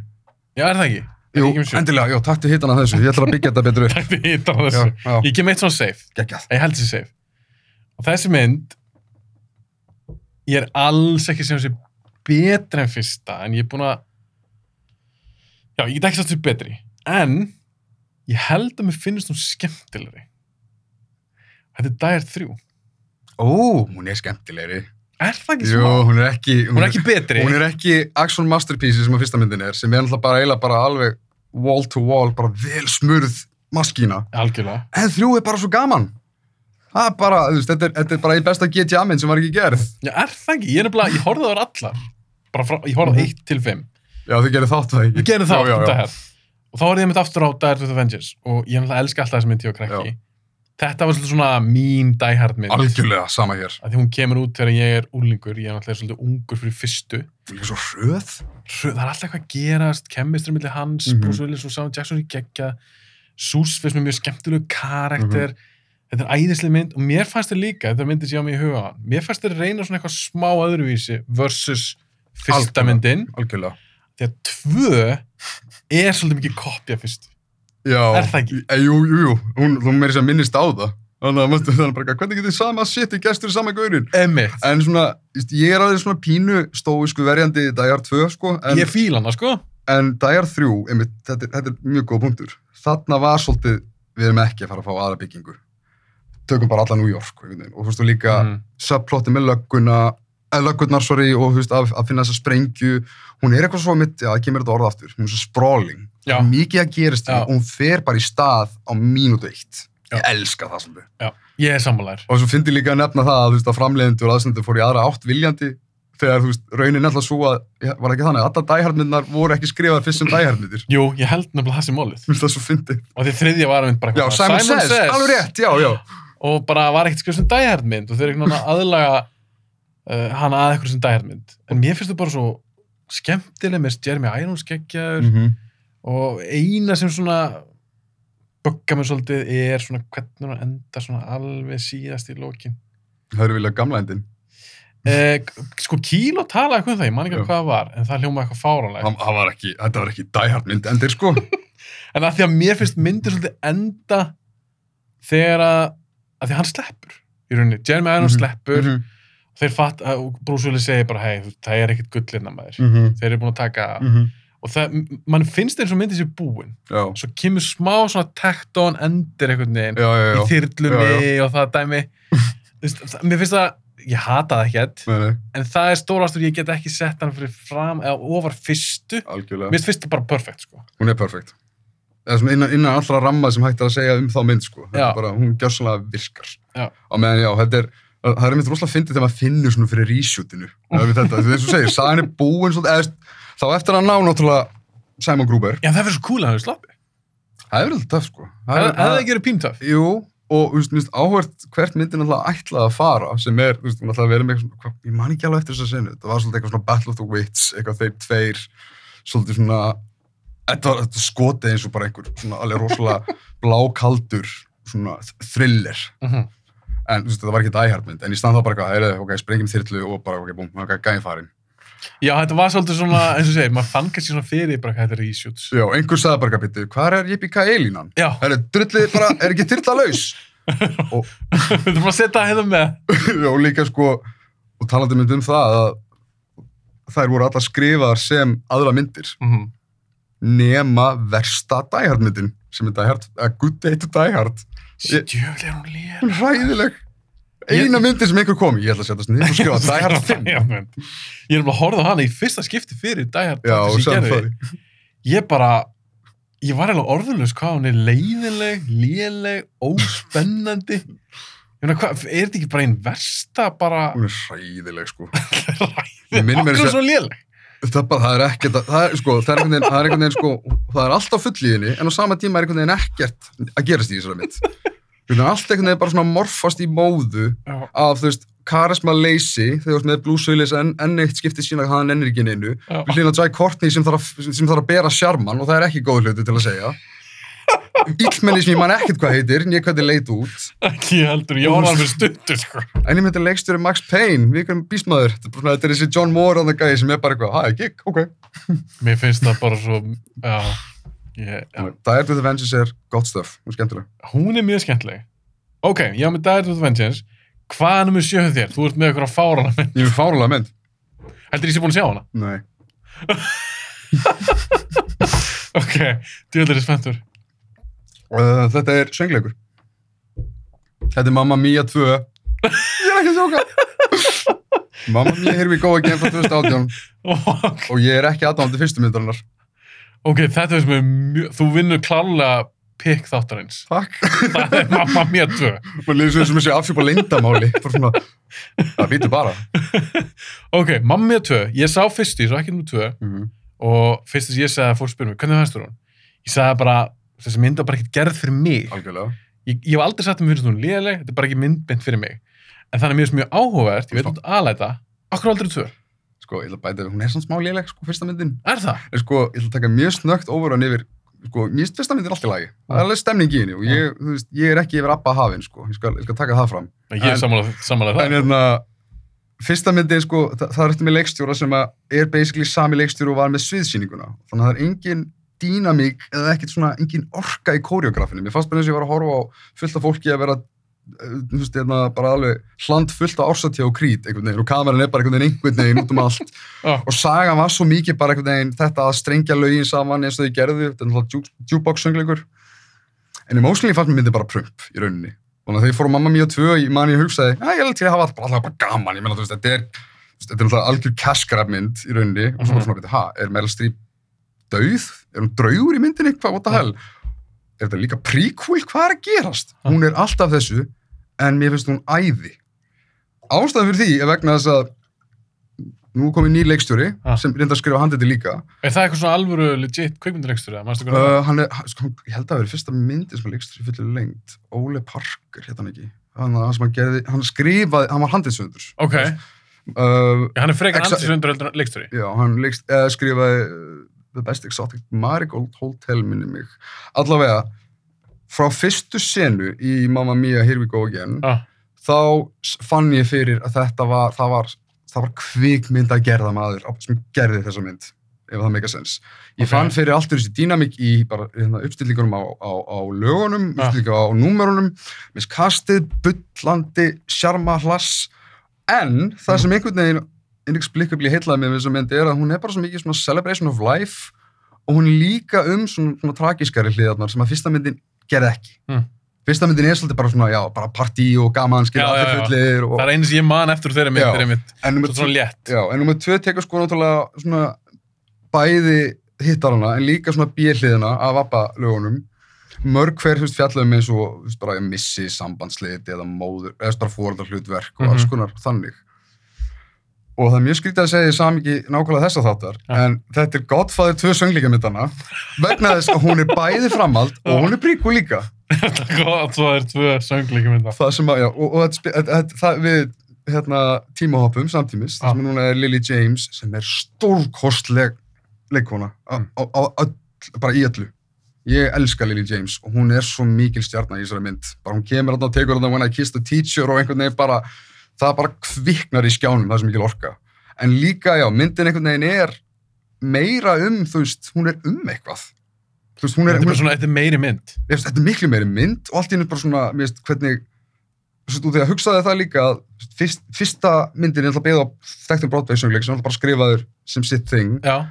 Þessi mynd var skrifað alltaf bara sem sitt thing sem framhald af var- Sem bíómynd. Já, það var ekki til, tilbúið handrit. Þannig að, og leikstjóri þessar myndar er líka handritsöndurinn. Mér finnst hann þræða, og þetta er virklega ógeðslega erfitt, að þræða sögu þráð í kringum existing lög Já. að breyta lög, veist, eh, eitthvað sem var samið sem solo, að breyta í duett skilur, Mhm. svona alls konar þannig uh, experimentalismi uh, myndin er bara, mér finnst hún bara skemmtileg, mér finnst hún hillandi, hún er bara svo mikið flip og gaman og hún veit hvað hún er Mhm.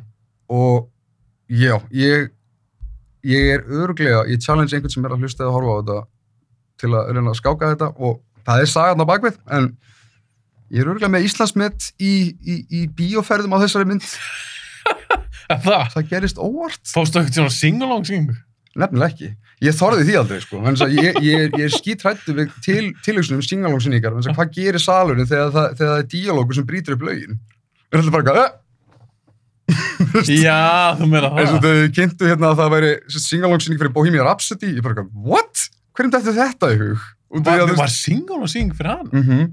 og þú veist, og þau skiptrakka lögin meirildunum myndinu, bara, ó, Reykjavík og Gaga í 30 sekundur ó, ok, ó þannig að, já, singalong síning er ekki alveg mitt sem ég vil frekar dansa og flippa í haustum á mér, sko þegar ég er horfa á þetta, ég, veginn svona þannig að nei, ég fór ekki singalong síningar en einhvern veginn, en þetta er líka vegna þess að þetta var á þeim tíma ein uppbólsmynd hérna, elstu dóttu minnar sem var mjög skemmtileg tenging, og myndin er einmitt svolítið mikið um eldri og yngli kynnslóðuna og bara svona tilherandi sá sem þetta sexunum í bíó Fórstu hann á sexunum? Við töluðum eitthvað um það í síðast þetta svona eitthvað bíóferðir á sömu mynd. mm Metið var áttað ekki. Þú varst með Dark Knight, áttaskipti. Ég fór á áttasunum.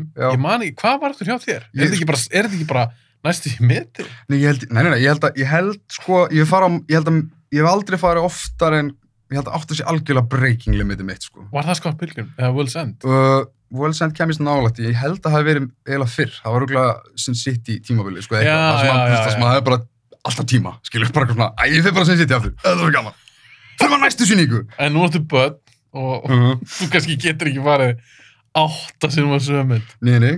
En þess vegna gott að ég er fysiskt heima, ég get hort svo oft hérna á myndinar.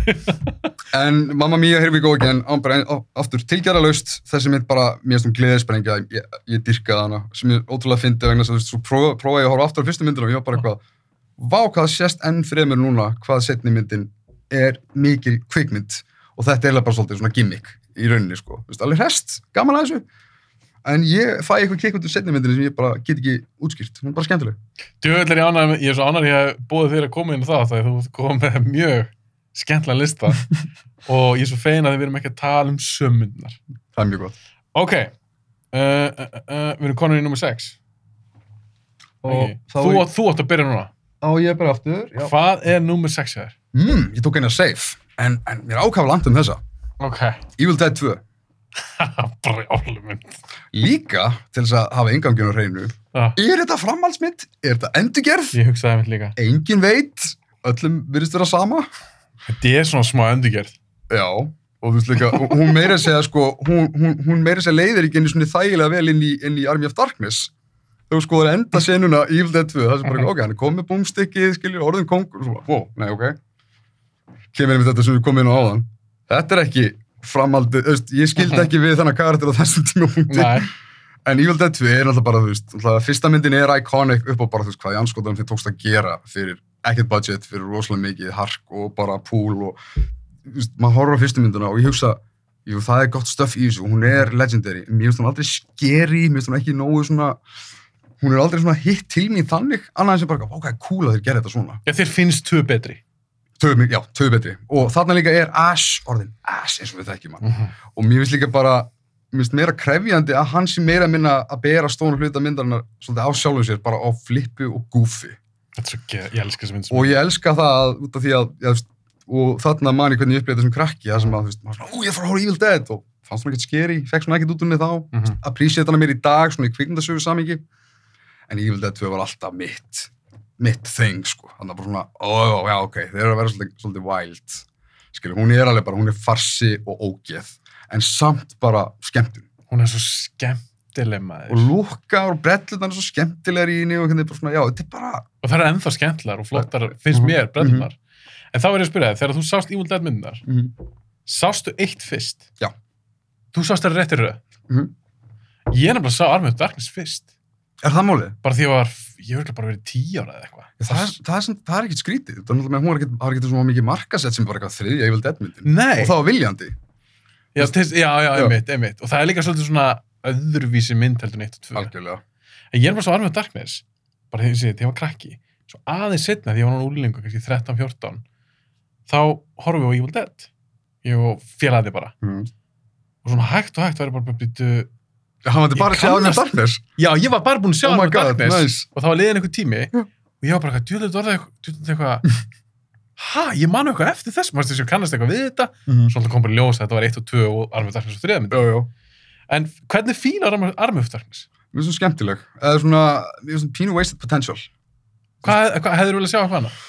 Já, sko, ég hef bara viljað sjá hana svolítið meira orginal eins og hún átt að vera. Það er svolítið kopp átt að segja þegar maður veit að það er til, að það var til annað vissum fyrir henni, en hún er einmitt svolítið með þetta. Veist, ég horfði sennilega, veist, ég horfði alveg ofta á hana sem krakki, þetta er alveg- pönguð, skemmtileg, svona, svona, svona, svona sickmynd þegar þú ert á- yngri aldri. Mm -hmm. en mér finnst bara vanta svolítið edge í hana og mér finnst hún svolítið einhvern veginn svona út um allt pínu, meira svona of upptekjan af skópinu og en, veist, en hún virkar út af Bruce Campbell. Þið finnst þú skemmtilega alveg. já, já, veist, hún er skemmtileg veist, en hún er ekki svona, ég myndi alveg setja hana fyrir neðan hitt, hérna sko.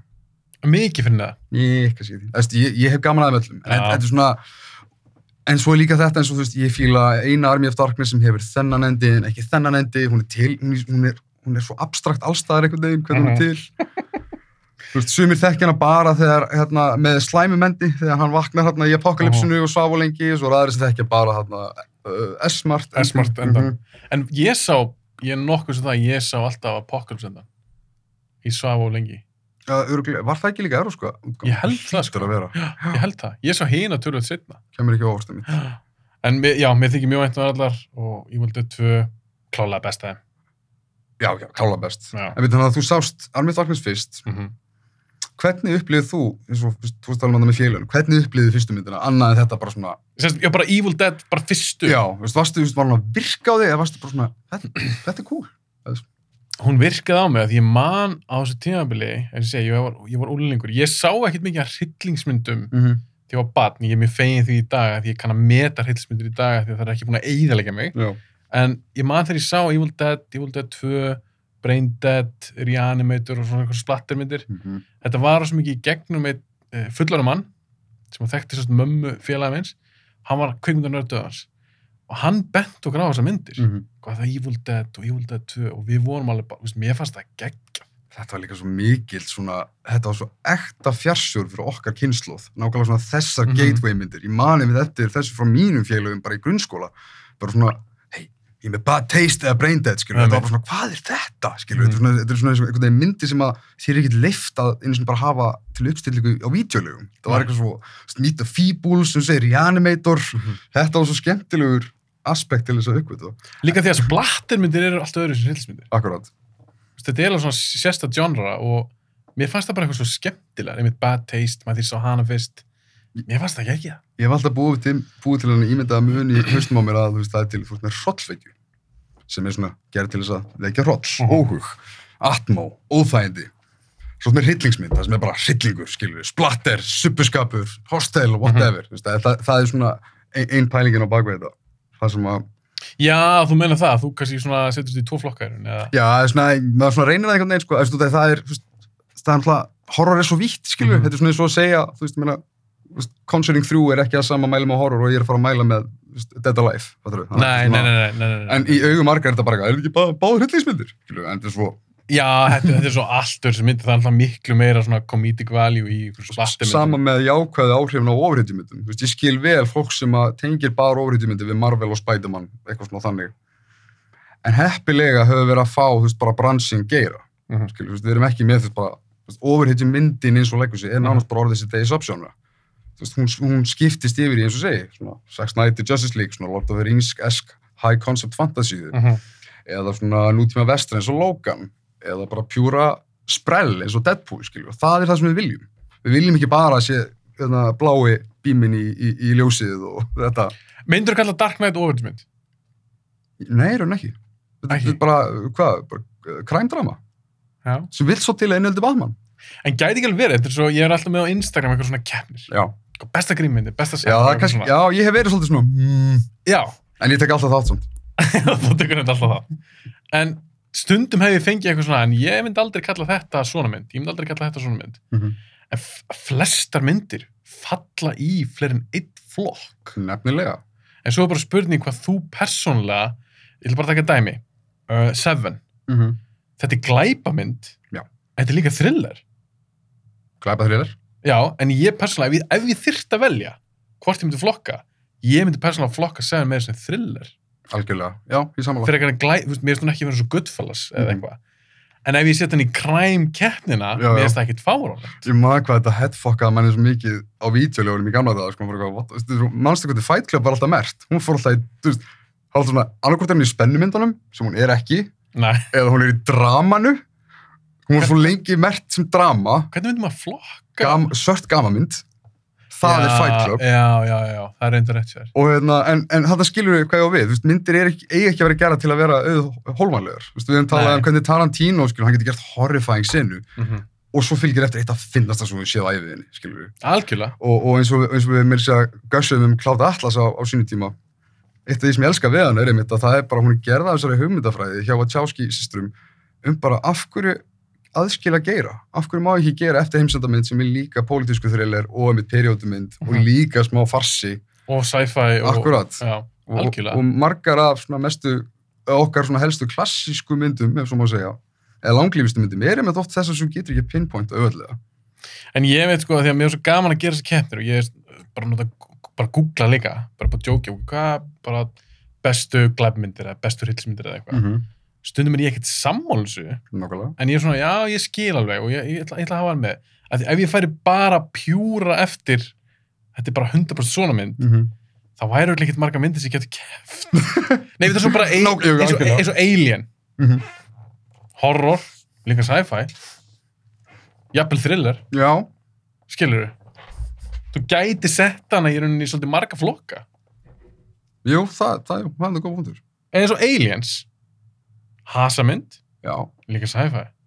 og, hor og horror ég meina, veist, Horror í ég meina, element í henni. það er, ég meina, ef, ef að þú varst svipar og ég og varst 10 ára eða 11 ára að horfa á Alien nei, vá, ég er yngra það, shit að horfa Aliens í fyrsta skipti, það er að fara að segja að þetta var ekki horrifying dæmi, sko Já, og það er atriðinni sem Já. er einmitt horror atriði, algjörlega. já, það er myndið fyndið, hún, það er alltaf distinkt munurinn sagði vera, skilur, bara önnur er horrormyndin en hinn er actionmyndin, en það er, það eru báðar bræðingar og það er það sem gerir, gerir það svo cool, það er hluta af því Já, en, en svo er líka spurning bara þitt personal mat, bara eins og Aliens. Hva, hvernig, hvernig geira hugsaður fyrstum?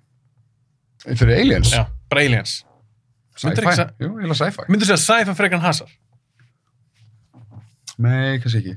Uh, jú, Þetta er svo erfitt. Ég vil setja báðar í sci-fi, þannig séð, sko. En sci-fi er svo vítt og svo hef ég líka átt, sko, extensive hérna, spjöll við einstaklingar sem að einmitt vit ekki hvað á ma- marka línumilli þess hvenar hættir sci-fi að vera sci-fi og hvenar er það komið í fantasíu. Hver Ja. er munum sci-fi og Þetta er fantasíu? svo Star Wars, er það sci-fi? Nei.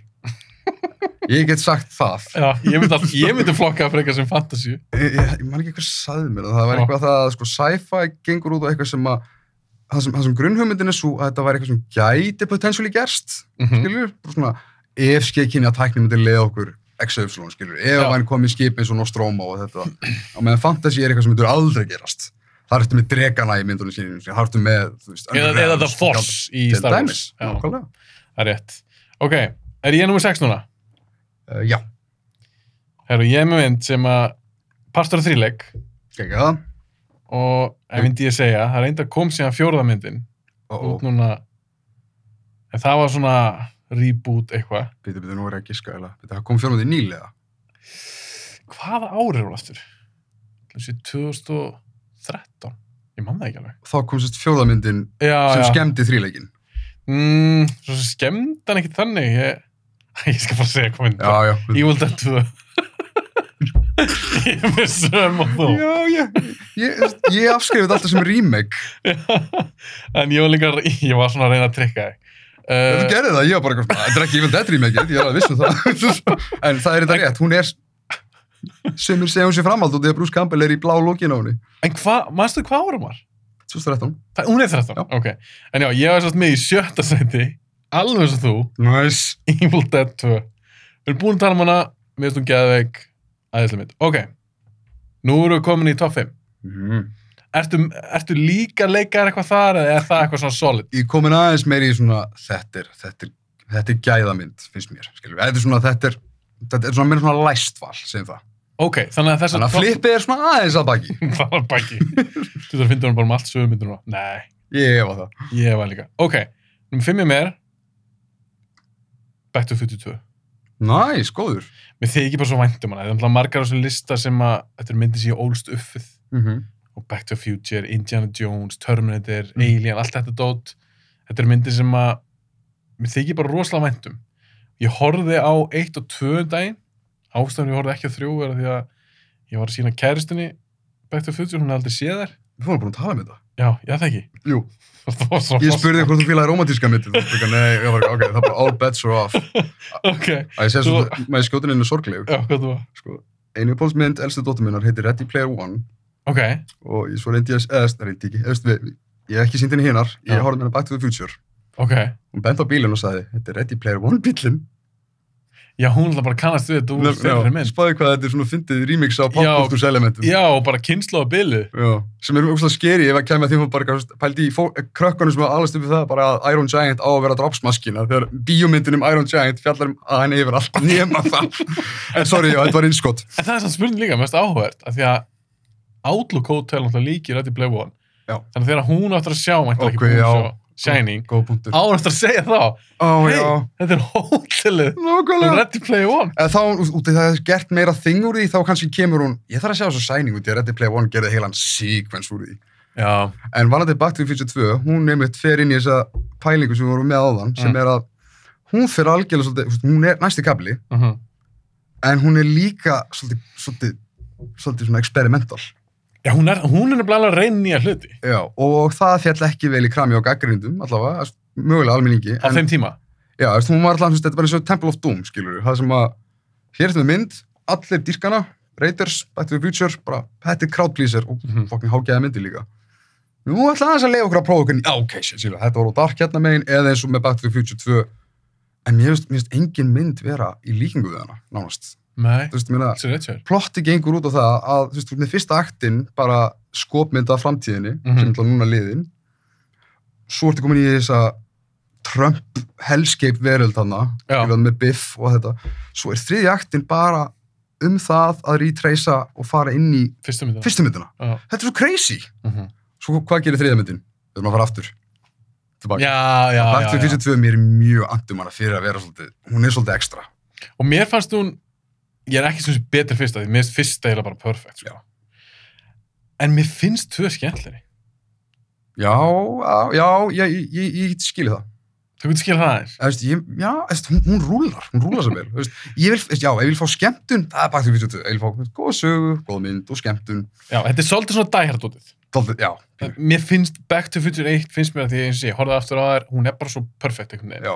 solid mynd, alveg út í gegn tvö er náttúrulega, finnst mér líka æðisleg en já, ég, það, það er eitthvað við framtíðadóti sem mér finnst ógeðslega skemmtileg Mm -hmm. og mér finnst líka ekki oft þegar maður horfir á svona framtíðar uh, bíómyndum þar sem verður svona margt iconic hoverboardið, Mhm. uh, jakkina skótnir, Hljóðeffektarnir sem koma, Já. þú veist, alveg frá hann að hvernig Griff Tannen var það ekki. Og svo skotnir í mitt, þú veist, mér finnst það vann mitt, hvað er mitt soundscape í Future myndunum er upplugt. já líka bara einhvern veginn hugmyndaflugi, hann var einhvern veginn næg sko Mhm. þeir eru henni reyma sér sjálfir Pizzaopnin, við veitum allir eiga svona þegar voru pizza, krakkar. pizzaopnin það er svo margt í þessari mynd einhvern veginn Já, sem var bara svona iconic já. og svo alltaf bara þetta duo Mm. Doc Brown og Marty, ég meina mér þykir bara svo vænt um það Og þetta er líka gott dæmi um mynd sem að átt aldrei að eiga að vera, átt, hún átt aldrei að vera til. mm. En þeir bara einhvern veginn hugsuðu í lausnum, þú veist, þeir gerðu bara Back to the Future, skilju, Bobarnir, Bob Gale og Zemeckis og hugsuðu, þetta er sagan okkar og græður hún alltaf fullt, fullt, fullt af peningum Mm. Og stúdíu er svolítið bara já, við ætlum að gera aðra mynd með áningar, hvað vil ég gera? Og þeir náttúrulega enduðu fyrstu myndina á eitthvað sem átti að vera brandari. já, emmi, það var djók Þetta var djókur bara og bílinn flýgur, what the fuck, að bílar fljúi í framtíðinu, svo bara svona, shit, við þurfum að byrja næstu mynd á fljúandi bílum. já, Þannig að þeir fóru bara all in með farsan og ég elska það og líka það er önnur redding sem þeir gera sko til þess að koma í veg fyrir það svona, af hverju, þetta átti ekki Doc Brown að vera svolítið miklu eldri hérna í, í, í hérna rauntímilunni? Hann fór í, hann fór í einhver svona eh, hvað var eitthvað svona andlitsplast í aðgerð þannig að maður tekur af sér já, andliturinn já, já, hvað ingja mig fyrst ég er hérna stattur hérna, svona, þetta er ekki frekar gott. Já. já, já, mér þykir mjög um hana. Ég las ekki þar, ég held að það vera eitthvað svona viðtalið Bob Gale, hann sagði að þeir mega ekki endur gera Back to the Future meðan þeir eru á lífi. Ég er svona með það. Það er sögum myndir sem má ekki snerta Já, eða, veist, bara, það má gera allan anskota í anda Back to the Future, en af hverju, veist, bara, ég fíla það að þeir eru að taka stans, bara, Back to the Future er, ok er okkar dæmi. Ef þú vilt gera eitthvað svipað, jú, þetta er hvaða innspóð sem Mhm. þú vilt, en þarf það að vera Back to the Future? já, einmitt Mér finnst það frábært. já. þannig ég er með Back to the Future part 2 Og þeir sögðu líka, báði tveir, bóbarnir, að fjóri er svo leiðileg tala, og ég verður að vera sammála því, það er bara eitthvað, þrýr er svo perfect, Já, byrjun meðan og sammála. endin, bara þrýleikurinn. Ég er 100% Fleiri samanlega þrýleika, takk fyrir. Fleiri. Bring back trilogies Já. Geta ekki verið svona tagline hjá okkur Ok, hvað ert þú með nummer 5? Uh, mynd sem við höfum talað um, mynd sem ég er ótrúlega hrifin af, Blade Runner 2049, Já, ég átti nú að hún er á listanum mm Mhm. Mér finnst hún, ég met hana betur en fyrstu myndina. Fyrsta myndin er meira iconic, iconic Mhm. alveg 100%. Eins og hljóði henni í lúk Iconic hljóði í klukkanum og lokast Nákvæmlega. Blade Þau bara ekki, ok, ha, this shit's gonna get real, það er best að loka herbygginu. Þú fyrir að hitni í kólunum En já, Já. Svona, þú veist, á, á, aftur á svona kvikmyndasögu basis, fyrsta myndin er bara alveg, þú veist, þetta er, þetta er einhvers konar bara kraftaverk, hvernig það hefnaðist. Börsið frá því að myndin var líka butcheruð og kom í alls Mhm. konar formum, en bara það hvað hún gerði þess fyrir cyberpunkið og fyrir sci-fi look og um eitt svona dystopian framtíðarscapes og allt þetta. Blade Runner 2049 finnst mér einmitt vera fullkomið dæmi minn sem er algjörlega bara sín eigin skeppna um allt aðra áherslur en hún tekur element sem að þú veist býr til þess að DNA-tengingu milli mynda og er einmitt að byggja ofan á þá í staðin sem þetta vera er, þú maður þetta er þessu módeli skilur mm -hmm. bara þetta er, þetta er næsti kafli. Algjörlega gengur upp hún er aldrei að kópera þú veist Denny Villeneuve fór inn í myndina og þú veist, hvað, hvað hefur hann hugsað? Ok, hvað er fyrsta myndi þekkt fyrir? Að lúka vel margir hefðu bara farið beint í það að basically reyna að apa eftir Blade Runner fyrstu. Mhm. hann gerði það ekki, hann kom bara Roger Deakins, við ætlum að gera okkar eigin brjálaði og það er náttúrulega, er náttúrulega stórkostlega rammar í þessar mynd. Og svo dæmis ég tekið, líka bara karatið momentin tónlistin, sagan, pælingarnar þemun, allt saman, ég bara, ég elska þessa mynd. Ég er nefnilega, ég sá hann fyrir bíó og ég nefndi hann í þessu þættaður með þess að við þig held ég. Ég hef aldrei verið mikill Blade Runner með þér Mér langar samt svolítið að sjá aftur tvö ég mæla með því, sko, líka, þú manst líka sko, ég hef líka aldrei verið það hrifin að þessu dilemma sem að fylgdi legacy í fyrstu myndana, sem bara, er Deckard replikantið ekki? mm -hmm. Svona, mér er saman, er eiginlega frekar fralleilur karakter Mm bara einhvern mér er svona einhvern veginn skiptir einhver máli, en Blade Runner 2049 hefur svona sí- sína eigin útgáfi af þessu -hmm. sem er, þú veist, er þetta afið á og það er karakterinn Joy sem er hérna hún er svona eins og svona Alexia Siri, manstu, Já, já, já, já, konan. Anna- Eða, sérst, var ekki Anna Taylor-Joy? Nei, ekki Anna Taylor-Joy, hérna, ó guð, það er dóttur mér, hvað hann heitir? Anna de Armas. Takk fyrir! Ég var bara svona, á ég að segja hana, á ég að leifa Já, takk! Ég var svona, hvernig fór, já, en hérna, að það er basically á, er hún bara beint af, þú veist, beint úr hillunni og er að gera allt sem aðalkarturinn vill að hún gerir, eða er hún, þú veist, með gerfugreind og sentient og þú getur hort á myndina mörgu sinnum og í rauninni fengist þetta svona mismöndi túlkanir af því hvað, hvað það er, en það er ekki einu svona kjarni myndana, þetta er bara brota brota af því sem að myndin er svona að lefa þær að, svona, svona gramsi.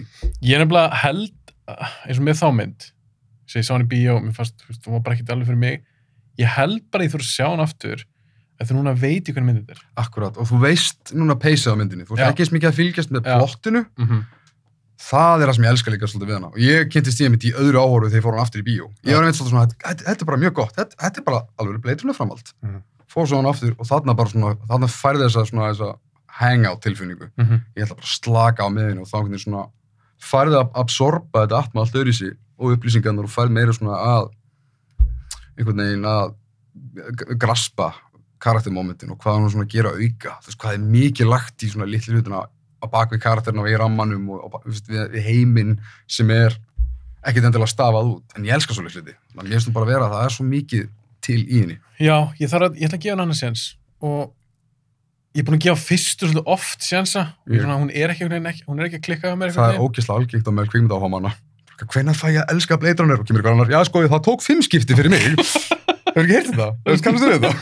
Nei, ég, ég reyndar ekki hægt Eru margir kvikmyndamenn sem eru svona 50-50 með? Mér finnst mér finnst ég þekki rosalega marga sem er mitt svona, kannski er þetta bara þú veist, út af því að þú veist, þegar maður kynist kvikmyndum ungur Ja.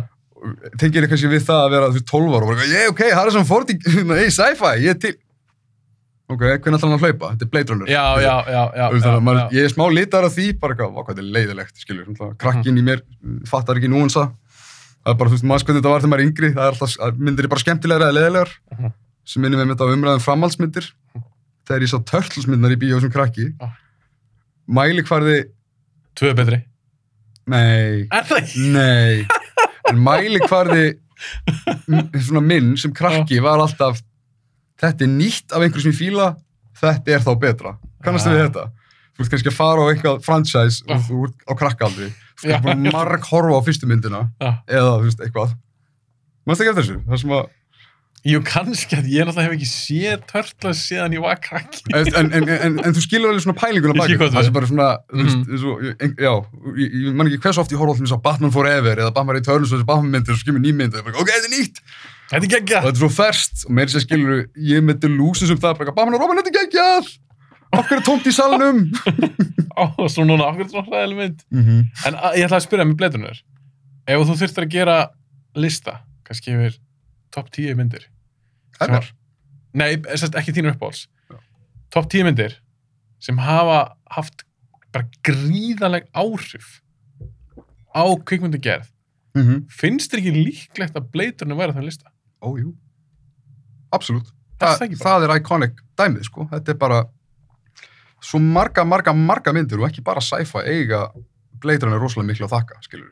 Það er, það er, það er svolítið veist, Án Blade Runner, og sérstaklega við ætlum að hólfa bara sci-fi megin, þá væri við ekki með Ghost in the Shell eins og við þekkjum í dag, frá animeinu þá, sko, manganu, eða, Mhm. eða hérna Matrix og bara koll á kolli. Strange Days, alls konar, skilur, þetta bara Við fórum til að pæla að hún er, hún er rosalega svona influential ótrúlega bara þú veist já, í því hvernig hún er hún er svo taktæl einhvern veginn skilur, Mhm. bara þetta er ekki bara veist, þetta er mynd sem er framtíðar noir að reyna að vera svona eins og svona, svona 50s detective boilerplate sögur. Mhm. en hún gjör svona nærið því bara með mútinu, sem er einmitt eða erfæsti parturinn, Er ekki líka, hún er 82 eða ekki? Er ekki 81 Er Nei, 81? það veitum við, jú, 82 ha- ég held að það sé rétt, jú, jú. Núna sko, ég fyrir ekki um Harrison Ford, hvað er ekki? Empire Strikes Back 80, svo kemur Raiders 81 jú, það er 82 Pældi þess að þre, þreif bara árum maður. Herru, ok, já, ég fór alltaf að hugsa því að fyrir þann tíma var eitthvað í líkingu við bleiturnar. Metropolis kannski þarna, orginal Space Odyssey, gamla- Space Odyssey eða, það fyrir eftir hvernig Já, ég er, um- ég er að tala um þetta, þetta city look og Mm. skiltin Mhm. og eins og þessi svona taktæl, þú, þú keiftir þetta, Jú, þetta væri eitthvað svona framtíðaborg. Ég myndi giska Metropolis, ég hef bara ekki séð hana sinni í menn. Nei, ég hef ekki, ég hef ekki svo síðan. Segjum bara Blade Runner. Segjum bara Blade Segjum Blade Runner. Ok, hvert eru konir? Uh, Þú varst að... Ég hef með Back to Future 5, þú varst með Blade Runner 2049 í nummer 5 eða ekki? Já, jú, þá fyrir þú í fjögur, eða ekki? Nei, þú varst að taka á fjóra núna ekki? Þetta er ekki fjögur. Uh, já, ég, þú veist, þetta er eitt af þessum mómentum sem ég ætlaði með þetta að hugsa að við erum búin að tala um hana er ekki best svona, en svo svona, nei, ég, mynd- út af því ég slefti henni sérstaklega síðast og tók fram að ég slefti henni og hversu sárt það var, ég ætla að hafa mína Ray 2 núna. Ray 2, hún er Þú varst ekki með hana síðast. Ég, ég edsi hann út og svo komst þú og sett hann á þinnlistu og ég bara, takk. Og þegar mér reyt eitt en annar staðar. Alveg en ég er í þeim hópið þar sem mér finnst þetta mér finnst það nánast alltaf samabyrðahæfar þar eru svo ólíkar, skilur En en, ég- þessi er betri. Þetta, Já, þetta, hún er betri.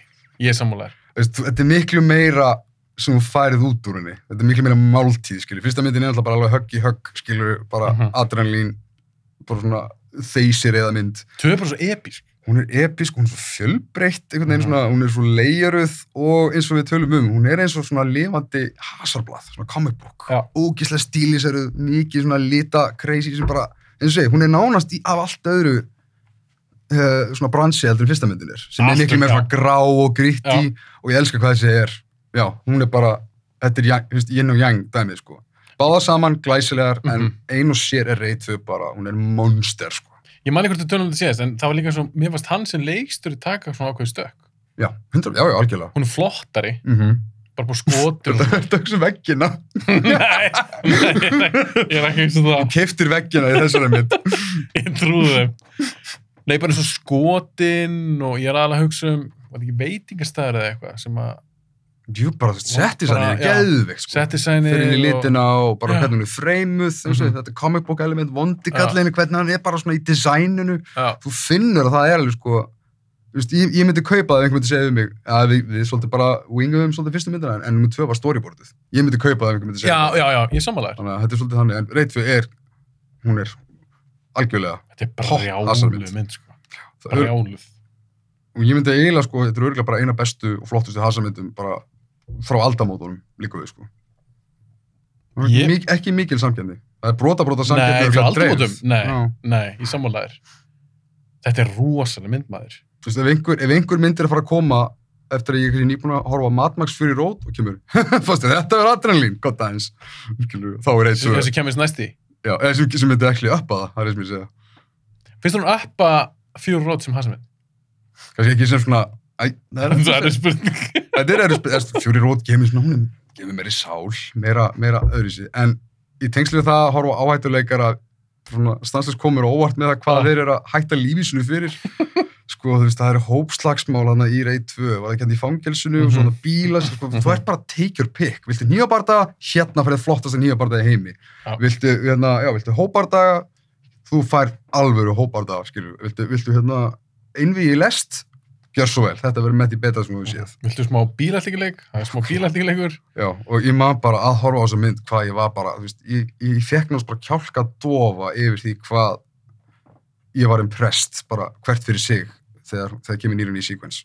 Þetta er rosalega góð mynd. Mm. Ég held samt að mjög margir sér ekki um sjá hana. Ég bókstala heyrði í gær, ég var að tala við félag minn og ég Ah. nefndi mitt að ég að, að týna saman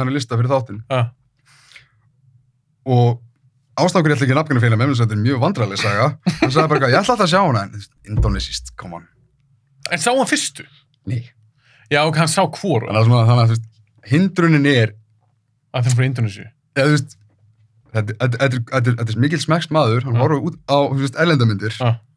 en þetta er genuine faktor hjá mörgum skilur við. Já, já, ég skil þig. þannig að þú veist, ég hef ekki tengt mig við þetta þú veist, að, en, en á sama tíma ef, ef jafnvel ef þú hataðir að horfa myndir með texta á tungumáli sem þú skilur ekki Mm reyð 2 er að fara að sjá svolítið mikið um bara visual gottir í því fyrir þig Já, þú ert ekki mikið að hlusta fólk en að tala, þetta er alveg mikið meira Já. bara fólk að slást. en, En eins og þessi félagin, er hann fyrir hasar? Svona, já, já, já, bara, algjörlega Það, já, þá ég tek mikið markan, hann er frá, frábær gaur en, en, og hann munur ekki að tekka á þessum myndum en mér finnst bara svo magnað aðeins svona þú veist, ef að deciding vote er ó, já, þessi já, eftir, æ, hún er indonensísk ok, þessi Já, og við höfum þig. allir verið þar einhver staðar, einhver tíman, skilur við, það er hann og Nei, nei þetta, er, þetta er mjög áhugað, sko. En mér fannst einhvern veginn þegar fyrsta kom út, hún vakti svo mikla aðtegli og ég tala ekki um á því hún var sínd í bíó í Íslandi Já. ekki tvö Það var sárt. Það var svo sárt. Við fengum hann ekki í bíó. Nei, mér fannst bara ótrúld, varst ekki, varst ekki, ég fór að síningu á þér með fyrstu, Jú, jú. varst það þú sem að náður að negla þetta í bíó eða? Að hjálpa þú Eh, til það? Þetta var lögursbjó. Sko, nú ætla ég virkilega að segja I wish, en nei, það var ekki, veist, ég, samt, ég virkilega lobbyði fyrir hann af, en umtalið sáum sér sjálft í rauninni, hún var farin að vekja mikla aðtegli. Þannig að lögursbjó menn ákveðu sjálf að sína hana. Já, já, algjörlega. Akkur ekki tvö sín þá? Ég skildi það aldrei, ég reyndi að fá hana sínda. Ég ætla að reyna, að reyna að taka kredit fyrir það, sko, við vorum alveg, sko, við ætlum að sína hana ef ekki allavega einu sinni. En það virkaði ekki, það bara, eh. Já, þess, já, þess að mér fannst svona pínu svona hverfa. það er kannski sín, já, kannski gekk fyrst, ég, man, við myndum þetta, fyrstu myndin gekk allt í lagi miða við, en Já. kannski ekki. Svo kannski, svo kannski fórum við bara á hann og búið. Já, svo fór allir bara svona einhverjir 70 íslenski kvikmyndanöttar að bara gæða, sweet! Þetta Við erum er allir búin. geggjumynd. En já, brjálumynd, Mm -hmm. rey 2. Hún með fjör hér. Númer fjör. Ég með nummer fjör, það er hann önnur æskumynd. Æskumynd, ok. Eða eins og Back to Future 2. þú veist, Það er svona. Nei, ég valdi Lesko Seit. Ok. Þú ert ekki Þú saman. er þeim megin í lífinu. er, nei, ég er að tjóka. Er, er, myndir sjónsi betri en Raiders? Nei, ég myndi ekki sem þessi betri. Ok, þá ert ekki þeim megin í lífinu. Nei, ég myndi ekki, þetta er svona pínu Diet of the Vengeance dæmi. Já, ég, ég skil Skilurðu? það. Já. Uh, reyti sig geðveik mynd. Mér finnst hún er, perfect, sko. það er fullkomi mynd fyrir mér, sko. Mér Mér finnst hún, ok, ef, ég þyrst náttúrulega grillaði smá, Já, hendilega. hvor heldur sér, hvor heldur sér betri, hvor finnst þér það betri? Back to Future 1 eða Raiders? Raiders. Slightly betri. Því að þú varst ekki eins og leikir svara. Slightly betri. Ég veit ekki eins og, ég, ég veit ekki hvort ég geti svarað þessu sjálfur. Þú vilur Raiders. Raiders er bara rússibanni the movie. Skilur þetta er bara, það er, Ah, það er svo gaman að horfa á hana, hún er bara ultimate, bara svona fun. Vá, þú varst ekki eins og lengi að hugsa. Uh, ok, Raiders brjálamynd. Let's go say it. Það er meira svona, hún er alltaf 89, Mm -hmm. ég fættir 83. Þannig að Raiders er að koma út, hvað, tveimur árum á hann ég fæðist. En þegar say it kemur, þá er ég 6 ára, kannski, já, 6-7 ára í síðana. Þannig að hún á svona sérstaklega staði mín hjarta. Mér finnst líka bara Connery og Ford saman.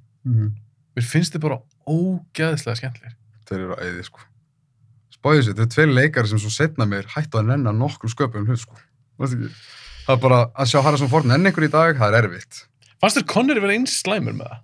Uh, kannski ekki eins- Já, og kannski aðeins svona meira dreifður, en þú veist, þú, maður, ok, ég skil, ég var ekki, því Ford hætti ok, bara nenni. Rock, hann, hann, hann mætti.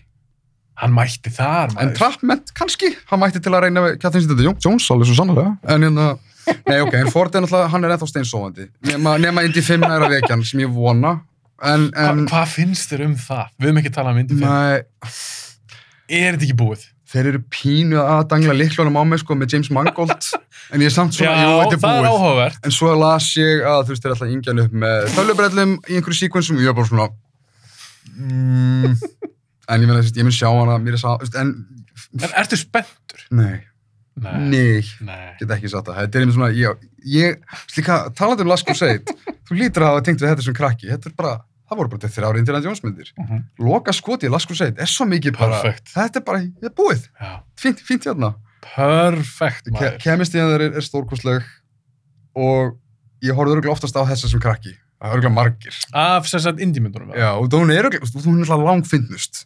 Já, hún er meira svona comedy, eða ekki? Myndur ekki segja það? Mjög bleitalli myndi ég segja. Já, sko. Með að við til dæmis þessu fyrstu myndina. En mér fannst líka í Crusade, mér, þetta er mitt persónt mat, mér fannst þeir vera elda skemmtilegri hlut. Mér fannst örkin ekkert svakalega Það skemmtileg. er kannski alveg eitthvað, ég get skilið það. Við, þetta Holy Já. Grail, sagan á baku það. Já, Mér fannst það, mér fannst það meira spennandi á krakki og ennþann dag í dag. það er enda góð punktur. Ég er nefnilega einmitt, þegar ég horfa á þær allar, Mm -hmm. eða, þegar ég horfa á þrýleikin, Já. þá er mitt, þá er, ég tengja svolítið við þetta, að uh, svona flæðið á Raiders er sterkara, skilur, karakterinir, Marion, skilur, bara svona Mhm. meira, meira dynamic, hún koma miklu meir um í í, í náttúrulega mómenti, skilur, Mhm. eins og þú veist, gæin er hérna að flexa vopnið og hann kemur bara og skýtur hann Mm á meðan Lasku setur svolítið mikið svona bí eftir lafttrakkinu Algjörlega. afendur Hitler bókina og eitthvað svona meira en Algjörlega. þegar kemur að klæmaksunum Lasku set fer svona þessar þrautir eru svolítið djúsi sko. Að sjá hann fara hann í gegnum þetta og pappin hann að gæta hann. Já, ég, ég er alveg, já, ég, ég skal gefa Last Crusade það, það er alveg stert. Hvernig veist þið Temple of Doom? Ég fýla hann í tætlur. Já, þér finnst hún virkilega góð. Já, eða, veist, ég, já, ég bara, hún er bara damn skemmtileg. Sérst bara, veist, hún er, hún er svolítið uh, ríkjátt í fyrsta helmingnum, en mér finnst hún alltaf bætað upp þegar ég er komin inn í setni hlutunum. Hún er svo mikið rússibanni. Það er bara eitthvað, það er svo svakalegur púls komin í hana og líka bara sett písarnir, hvað hann verður eitthvað eins og klikkuð, með því að allt frá hana brú-sequensin yfir í, þeir hana í, hvað er svona, námu, Námu, já, já, já, og það bara stoppar hún ekki. Veist, það, þetta er svona annað form af því hvernig Raiders er eiginlega bara svona hasar, upplýsingar, hasar, upplýsingar veist, og persónskupin á milli og hún virkar. Mhm. það er aldrei þvingað. Temple of Doom er meira svona byrja að pepri svolítið svona vandræðilegum húmor og svo hann að krakkin og þegar krakkar fíla Indiana Jones krakkar þeirra fá hvað til að tengja sig við fíla hann ekkert svakalega Né- Þannig sjóstránd. já, og nýja Kate Capshaw en þau eru ekki mikið talandi í sýtli lutanum þannig að svona myndir bara keiri sig á spektakul hún er raff í þessari mynd. Kate Capshaw. já, Hvað er fyrsta sem þú hugsaður um þegar þú sem Temple of Doom? þá hugsa ég um hjarta, hérna, er ég úr hjartað Aha. Mólaram, Það, það er að fyrsta svona sem hausinn. já, greinlega Hjá mér er- er það pöttunar. Þú fyrir með hendina Ó, inn í, ó, það er gott, já og náttúrulega líka mataratriðan að ég að dinner sínið þannig. þannig komst þetta með mjög gó, gott element Ég tek er apa heila. það er þetta, já, hún er svo disturbing Já, það er ekki bara aðtöfnir hann með vúdúið og skilur og Mólaram og hjartað já, mér þetta, pötturnar, maturinn sem þeir eru að taka hvað þetta er svona horrifying, hérna svona near death experience sem þeir eru alltaf að eiga. Þannig að hún er alveg svolítið, svolítið helluð. Hún er prequel. hún er príkúl Temple of Doom er prequel. sem ég sem krakki var alltaf mjög þakkláttur fyrir. Vegna þess að ég elska Marion í fyrstu myndinni. Já. og þegar ég svona, þegar maður tjastlar í saman að bara byrju, að ég er Marion farin? Og alltaf bara byrja með Kate Capshaw núna? Nei ok, þetta er príkul, jú, ok, þetta endist ekki lengi. Hitt gerir svo eftir á. en hvern, hvernig fannst þér hún vera í fjórðu? ekki góð, alls ekki góð. Eins og flest við þá mynd. Við, það, svo mynd, mástu við þegar við tölum um að Irishman væri svolítið svona að ekki að selja það þegar þú ert með, þú veist, þú getur verið með ungan de-aged uh, hérna, haus á, á leikara. Já. en þú finnur skrokkinum svolítið ekki alveg up to par. Mhm. þannig lýsi ég svolítið Indiana Jones 5 þetta er svona, nei 4, Fjögur. já, já Kingdom of the Crystal Skull, eina mannska sem mætti og gerði eitthvað er Kate Blanchett í rauninni, Mér fannst hún henni, sko. hún er alveg alltaf orka í henni. Sæli Búf er alltaf í henni, en restin af fólkin er svolítið svona, ég sá, maður fann alveg að Spielberg var ekki alveg þar sem kvikmyndigjörð maður Nei. hann var ekki Var, alveg var hann að nenni þessu? ég held að hann hafi sannfært sem að hann hafi nefnt þessu vitandi bara, ég er Spielberg ég, ég, ég gerir hinna myndar, ég kann þetta bara svoandi svo svona, það er, veist, hann var ekki pölp leikstjórinn þarna, mér finnst hann bæta upp það sem að vanta í Indy 4 þegar kom setna meira uh, Tintin, sem ég veit að þú fílaðir ekki það mikið Ég er samt, ég þarf, eitt, eitt félag minn, hann elskar þessu mynd. Ég þarf að sjá hann aftur. Veist, það, það er svona, mann þegar ég sá hana þá var ég svona, ok, þarna er, þetta er nærði að vera Já. svona pulp, einmitt svona adventurous klassíski Spielberg sem Spielberg. vantaði í fjóruðu indi þannig að hver veit, kannski að- já, en ég er ekki, ég er aldrei spenntið fyrir fymtu indi myndinni En svo er sem það líka, að því að núna er að koma fymta myndin með Indiana Jones. mm. Harrison Ford er 78 ára.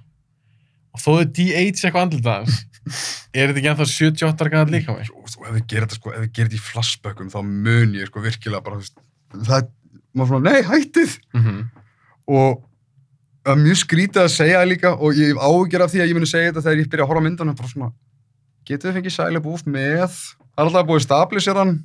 Já, já, já, fá eitthvað svona tengingu við fjóruðu. já, veit Já, það. verður á- áhört að sjá hvað gerist. Ég einhvern veginn, manstu þegar þið voru að tala um að þróa Die Hard prequel sequel myndina, eitthvað, eitthvað svona John McClane er ungur í einni tímalínunni og þetta er líka Bruce Willis, manstu eftir því? Já, þá ætlaði Len já, Wiseman já, að gera já, hana já, já, já, já, maður svona, það, það var eitthvað. Já, kannski er það að gera það við, nei, ég veit það ekki Á, er, já, þú meina það. maður veit ekki, en alltaf Disney sem átti, nei, Disney var núna alltaf Fox, þá verður við fyndið að þeirra að vera bara, hei, gammalt handrit fyrir Die Hard hérna, rebootið. Gerum bara Indy 5 úr því. Já, Já, það verður gæðan að sjá, hvernig 5 verður, en ég sé segi, get ekki satt í þessi spendur. Ok, en solid bit, já, skemmtileg. það er sko segið, þykir rosa vænt um hana. Uh, þá erum við komin með þrjú. Og ég hef byrjað þá. Já, það ekki. Þú er búin að segja fjóruðu. Jú, Nei. jú, reyt, var fjóða. Reit og fjóra. Já. Ok, þá tek ég þriði. Búin tala um sem við, miljón sem í podcastinu uh, Dark Knight. Solid mynd. Þykir bara rosa vænt um hana Áttu skipti. búin að sjá hana átt að sér bíó og svo oftar eftir það líka það er samt sko kannski eðlilega þegar maður búin að sjá einhverja myndir svona oft en mér finnst samt svona mér finnst hún pínu pompa niður í bátadrið Hæ? Já. Það er eitt besta atrið í myndinni. Þetta er alveg moral dilemmað. Að, já, mér finnst einhvern veginn því að ég er búin að sjá þetta átt að sérum ég, ég, ég, ég get ekki kannski gagnast myndinu fyrir það já, þú veist, en, en ég meina þú lítur samt að geta appreciata, þú veist, bara skrifin í senunni og bara klippingun og, og svona Al, alg- ég gerði það átt að sérum intensity. Já, ég er nei, nei, nei. En þegar ég horfi á, ná ok, fyrir ekki, kannski meira eftir bátadrið, það er hann í húsinu Ég skil og, það. Já, Já. Ég, ég meira kannski að tala um það, fyrir ekki. Mhm. Uh, þegar hann, sé, hann, hann sest, æ, hann er fyrir fram að alla skjána hann eitthvað Mhm. fyrir húsið og, og er að berjast við þá eitthvað Og er samt til að graspa í stróða, þessi mynd er alltaf stórkostlega, sko. Já, ég meina, við finnst um geðveik. Og bara Það einstaklega... því á. Sko, það er þetta að hljóma eins og ég að getna tilfelli, bara svona, bara einhvers með við sé eitthvað það oft, svona, að, þetta dæmi, það skotið, svona... Já, ég, ég, núna er ég bara að nitpicka. En það er samt alveg myndir sem ég séð oftar. Það sé ég nitpicka ekki svona. Ó, ég skil. Skilur hvað er Já, það? já, já, algjörlega. Veist, ég bara taka eitthvað dæmi, Mhm. Predator einu með uppáhaldsmyndum. Mm -hmm. Mér finnst það bara perfekt. Mér finnst ekkert sem ég get sett út af þessu. en eins og Dark Knight, masterpiece, Já, já. ég segi valdan, hún er í þriðasti hjá mér, upp á svona skemmtanagildi og ég veist, ég meina, hvað er þetta ekki bara síðustu kortir það er svolítið það, já. Það er kannski góð búndur. skilur bara allt hitt úr 90% af myndinni finnst mér bara sjúglega skemmtilegt en allavega, eins og nitpick Dark Knight, búin að tala um hann oft í podcastinu hún er 3 á mér Það er alveg sko, mér finnst þetta alltaf líka svona svona valið, sérstaklega þegar maður er að velja svona betra, Mm. mm. skilju svona dannaðra, skilju þetta, Dark Knight er alltaf skilju, þetta er svona prestigious mynd. ja, svona, þetta er svona kvikmynd en ekki svona bíó. mm En hún er, það er þetta bæði, en, en þú fattar hvað er að fara. Hún er, Ég skil svona, hún er meira svona, einhvern veginn elegant innan gæðslapa. En að sama skapi, þú ert ekki að fara að segja hverju sem er að á þetta og slepa hún er dundur skemmtileg. skilurðu. nei, nei, Hún nei, nei. veist, Í því hvað hún er góð er líka svona hvað hún er quiet í build-upinu og hvernig hún svona þrjumar sig. En, það er eitt sem ég bæti við sérstaklega varðið það, Mm. ég íhuga að setja Dark Knight. Mm. Enn fremur komst ég þá að því, ég íhuga frekar að setja Rises. þér finnst hún skemmtilegri Það er ekki bara það. Ah. Ég áttaði mig á því að uh, hefur tekið eftir þessu minnstri með Origin myndi sérstaklega, að þú veist, þú búið með Origin söguna þá farið svolítið að leika þér. Þegar Origin sagan er búin, mm -hmm. þá er svolítið komið að partíinu, skilju, og marga Mhm. myndir þú veist, ja, þetta fór genið mörg franchise, skilju, fyrsta X-Men myndin, flesti voru bara svona, ok, önnu myndin, X-Men myndin fekk að leika sér, Mhm. Spider-Man 2, oftast kendi það að vera bara eina betri ofrítið myndum ever, Ja. Winter Soldier, skilju, þú ert búin með þetta traditional dæmi, en ástokkur ég er spenntið fyrir Doctor Strange in the Multiverse, eða, Multiverse of Madness, við erum búin með Origin pakkan, skilju, gera eitthvað crazy, og ég held hún verið crazy. Dark Knight, hún skilju, hún, ætla, fyrir það að Batman Begins er ekki bara príma Origin saga, já, æðislega mynd mér finnst hún bara fullkomið dæmi hvernig hún gerir það rétt mm -hmm. en það er erfiðast að gera þriðmyndina. það er alveg Það að Dark Knight Rises hafi náð að samina þust þræði úr hinum tveimur, mm -hmm. koma með svona kollektiv einhvern veginn samantekt en samt vera sín eigin grand saga og overall er, er um persónsköpun, þetta er Bruce Wayne sagan, það er ekkert half-assað neitt hann í gegn. Mhm. Það er ástokur ég myndi velja hana í uppáhald og hefði frekar þá kannski valið hana ef, ef ég hefði haft hana. já, þú ekki með Ég er ekki með hana, en ég verð bara að acknowledge þetta. Bara, hún, hún fyrir mér náði töfrablendunni sem er alltaf fágætt. Sem er með þetta, þriðja myndin er alltaf á stembla. Og þá þarf um þetta að taka sem fólk fílaði fyrstu, taka svona það sem var explorað í hinni myndinni. mm -hmm. Og það, veist, það er alltaf bara eðli þess, þú skilur, kynir eitthvað eitt, svo fer ég í hináttuna. En hvað ætlar að gera? Fara svo aftur í hináttunni eða þarf þetta samina bæði? En þá verð ég að spyrja þig, ég held ég að tala um Bjarna, þegar við vorum að tala um, hvort við tala um Kristofn Nóla sem leikstur eða eitthvað. Mm -hmm. Að því Dark Knight endar því að hann tekur á sig í rauninni sökina eða eitthvað. Batman, á dauða Harvey Dent og eitthvað. Neitar að gera það ofinbært að Jokerinn hafi fengið að vinna í rauninni, já. Já, í rauninni. Mm -hmm. Og basically endur á því að löggan er elda Batman. Já. Já, og hann bara kerir burt á hjólinu sinu og myndi Mhm. bara búm, búin. Mm -hmm. Ég var svo spenntur að sjá einmitt, ég hugsaði með okkur, þið gerur auðvitað fyrir þeimdina. Mhm. Vá, ég er alveg til að sjá einmitt Batman operata í þannig umhverfi þar sem að löggan er ekki með hann með liði, skilur við. Mhm. Já, við fengum alveg þannig síkvensa. Já, já, en, en, en Dark Knight Rises gerist 8 árum eftir Dark Knight. Já. Og er það ekki rétt skilja mér? Keirði hann ekki bara til sín og hættar Batman? Eða sko, í rauninni, Skilur hvað ég við? skil hvernig er þetta túkað þannig, en það er þetta ógeðslega fyndið. Það er ógeðslega fyndið bæling, þannig að vera bara eitthvað, ég ætla að vera hetjan sem að þið ekki, ekki skilið. Ok, park. Nei, hérna, náttúrulega í samingi sögunar, Æ, Það var ekki búin að sjá hann í mörg ár. það var náttúrulega tilkynnt, skilur hérna, til löggunar, að það er þetta elda hann, út af þú veist, þarna var strax Batman freymað fyrir allt saman, að hann er strax þarna á flott undir löggunni. Algjörlega. En svo í kjölfarið á, það sem að er afhjúpað, er að náttúrulega Harvey Dent er símingli bara drepinn. Mhm. Og það er náttúrulega komast að þessi Dent-akt sem að gerði það verkum að það var náttúrulega bara náttúrulega glæpalegs Gotham í átta ár út af því að það fór þetta af stað þetta átak Algjörlega. og þannig að þú veist, hann, hann var ekki að parkera hjóluru og þú veist, fara bara eitthvað að sölka í ástasorg. Þetta var líka þess bara, það var ekki tilgangur þörf fyrir Batman. Það var líka svolítið það sem var að drepa hann. Það hina tvær myndnar gangi út á það að hann getur ekki, þú veist, hvori gríman. Mm Þannig að það að hann sé á þeim stað sem hann er á og myndin er svolítið um það að hann er bara, hei fokk, ég ætla að vera Batman, ég kem aftur. En hann er, þú veist, ha hamraði niður, ekki bara einu sinni, heldur tvisvar. Skilju, þannig að, þú veist, hann þarf að vinna fyrir sínu kompaki. En heldur hann hafi bara farið heim og hætt? Þú veist, ég held að hann hafi alveg definitíð verið eldur á löggunni ykkur tíma, en við vitum alltaf, þetta er Batman að, hlaupunda löggunni. Hann, hann fer í, hvernig var þetta hann í Batman Begins? Fer aðeins í skuggan og hör bara, hver, fór hann? Að heil, heil mynd af því eða heil Nei, ég er ekki, ég er ekki að segja að það fyrir sagan. Nei, nei, nei, nei, en ég skil alveg, þú veist, þörfin á því. En ég, þess vegna elska ég svo mikið í, í Rises, Ah. þegar það gerist, þá kemur mér þarna Matthew Modine, þessi hotshot lögga, bara, hei, hann er komin, ég ætla að vera gæðins en Iron, og hann sendir allt fucking SWAT, eða, alla bílana Mm. eftir honum.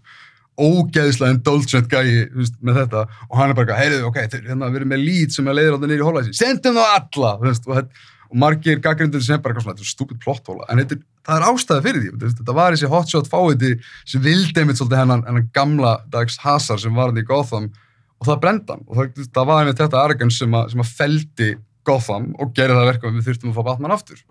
Mm -hmm. Kannski er ég búin að pæla alltaf mikið í þessu. Þess að spurði ég eiginlega. Ég vildi fá að heyra pælinguna þína. en hérna, já, ég, ég gúttur þetta og ég, mér finnst það mjög valið pæling og mér finnst það hilarious bara svona sjón að hann hafi farið eftir Ef hann hefði bara geirt þetta Dark Knight heim til sín og Mhm. aldrei farið í búningin fyrir bara 8 ára setna í Dark Knight. Mhm. Að ég held að hann hefur Nólan ekkert sem verið spurður út í það. Hvað, ge, hvað gerist það á milli. Já, basically bara, fór hann bara heim af því að þau tala um það í Dark Knight Rises að það hefur enginn séðan lengi. Er það ekki rétt sem er? Jú, þetta, er eitt sem ég fíla líka við sko, framhaldsmyndir, Já. þessi góða framhaldsmyndir sem er mjög vannmætið. Það er einmitt þetta, út af Bambi Guinness er líka með sko, þetta gap. Við erum að tala um að góð framhaldsmyndir er næsti kaplinn, Mm -hmm. en hver er næsti djúsi kaplinn? Hvað ætlar að peka upp beint eftir Bambi Guinness? Já, í tímalínunni í veist, þú hefði getað byrjað strax eftir á sem að hann er svona að byrja að treyla jókarinn og þú hefði getað fókusa bara á copycattana Mhm. sem eru rétt svo hann kynntir í Dark Knight Mhm. en bara það þessi svona, svona, svona touchað umræðina, mér finnst það svo cool Mhm. það gefur upp um þessa history sem er bara, ó, allt þetta gerir í millitíðinni og Rises heldur svolítið í svipaðan stíl þar þannig að ég fíla svolítið með þetta svona hvað gerðist á milli, skilju, Star Wars, Empire og milli Empire og Return of the Jedi. Hvað gerðist þarna, skilju, svona þannig. Já, ég skilji. þannig svona, af hverju erum við hér í þessari sögu? Hvað er það sem að í rauninni skipta ekki það miklu máli, hvað er konfliktið, orðdílið og veist, hver er þróunin?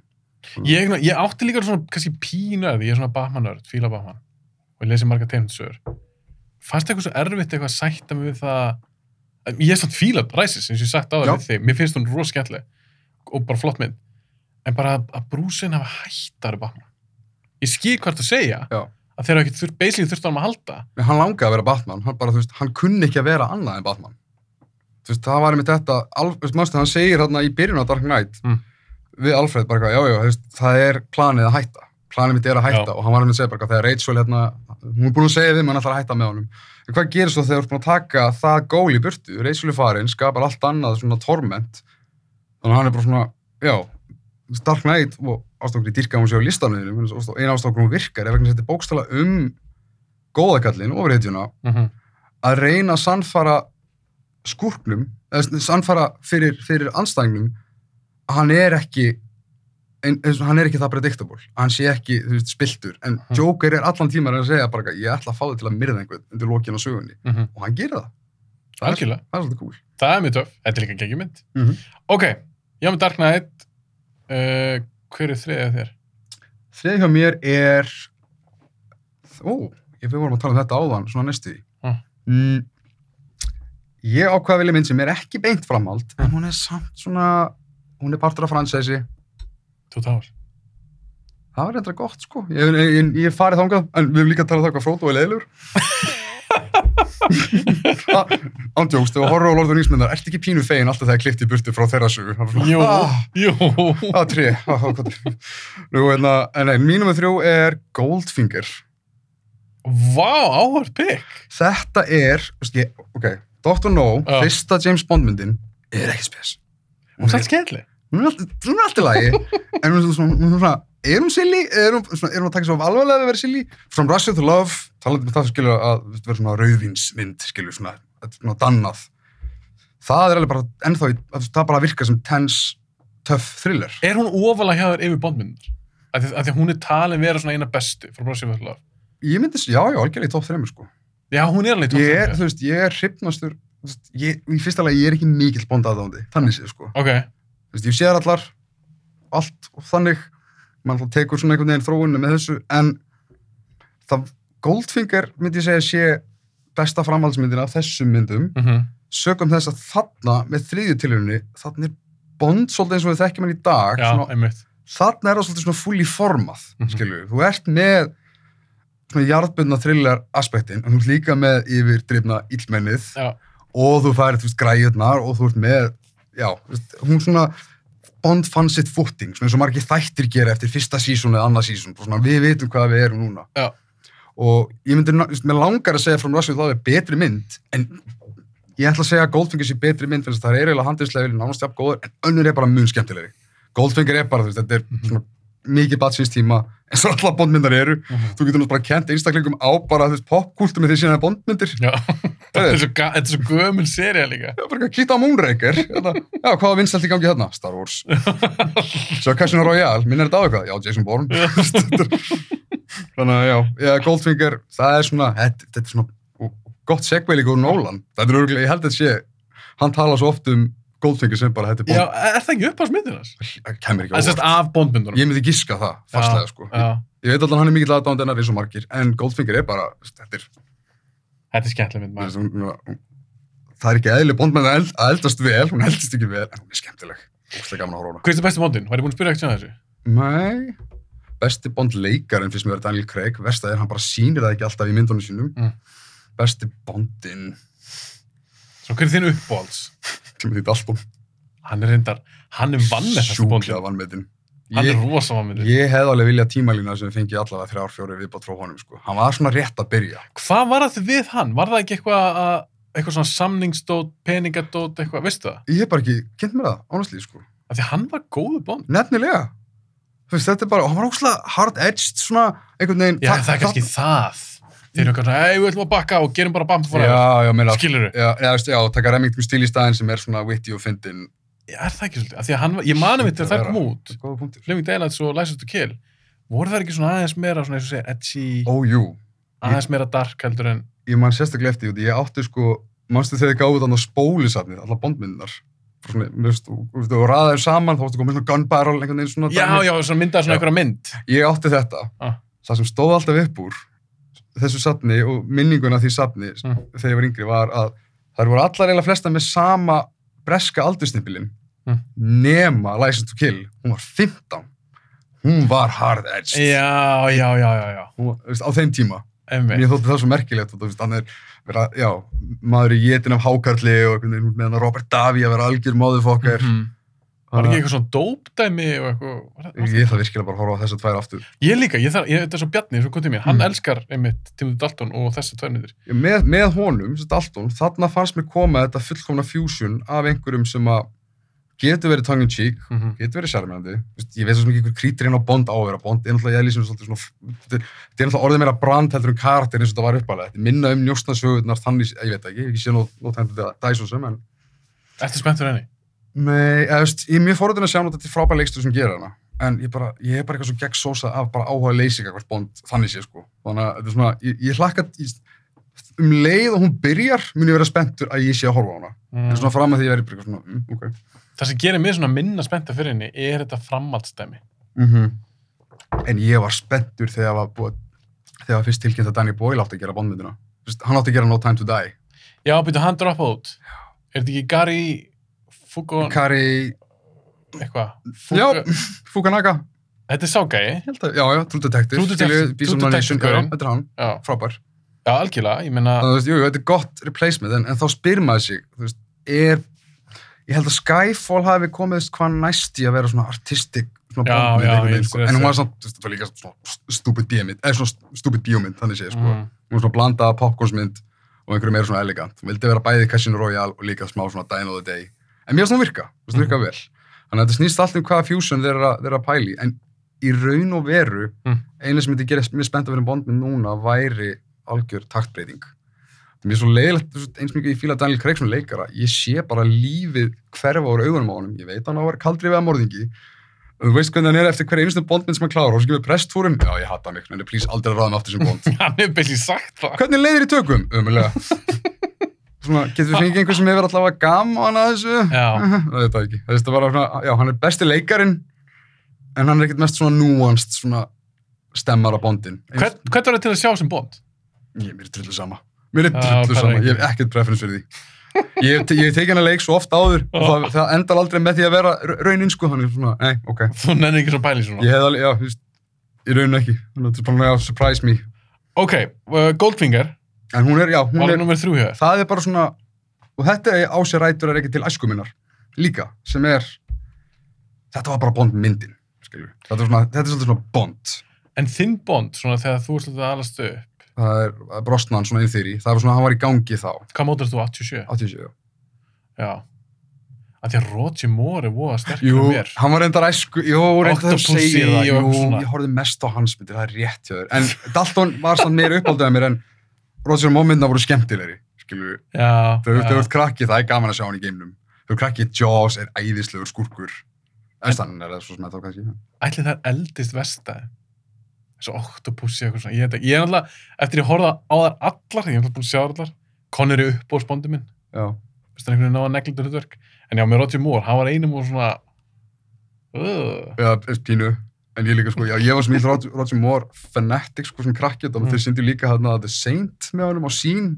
e, þættina. Já, Ég sá það aldrei. en svo, hérna, en til að svara spurningun með hvort að Roger Moore minn er eldist verst, ég held að sé ekki fræðilegur en einn bondmynd eldist verð en Die Another Day.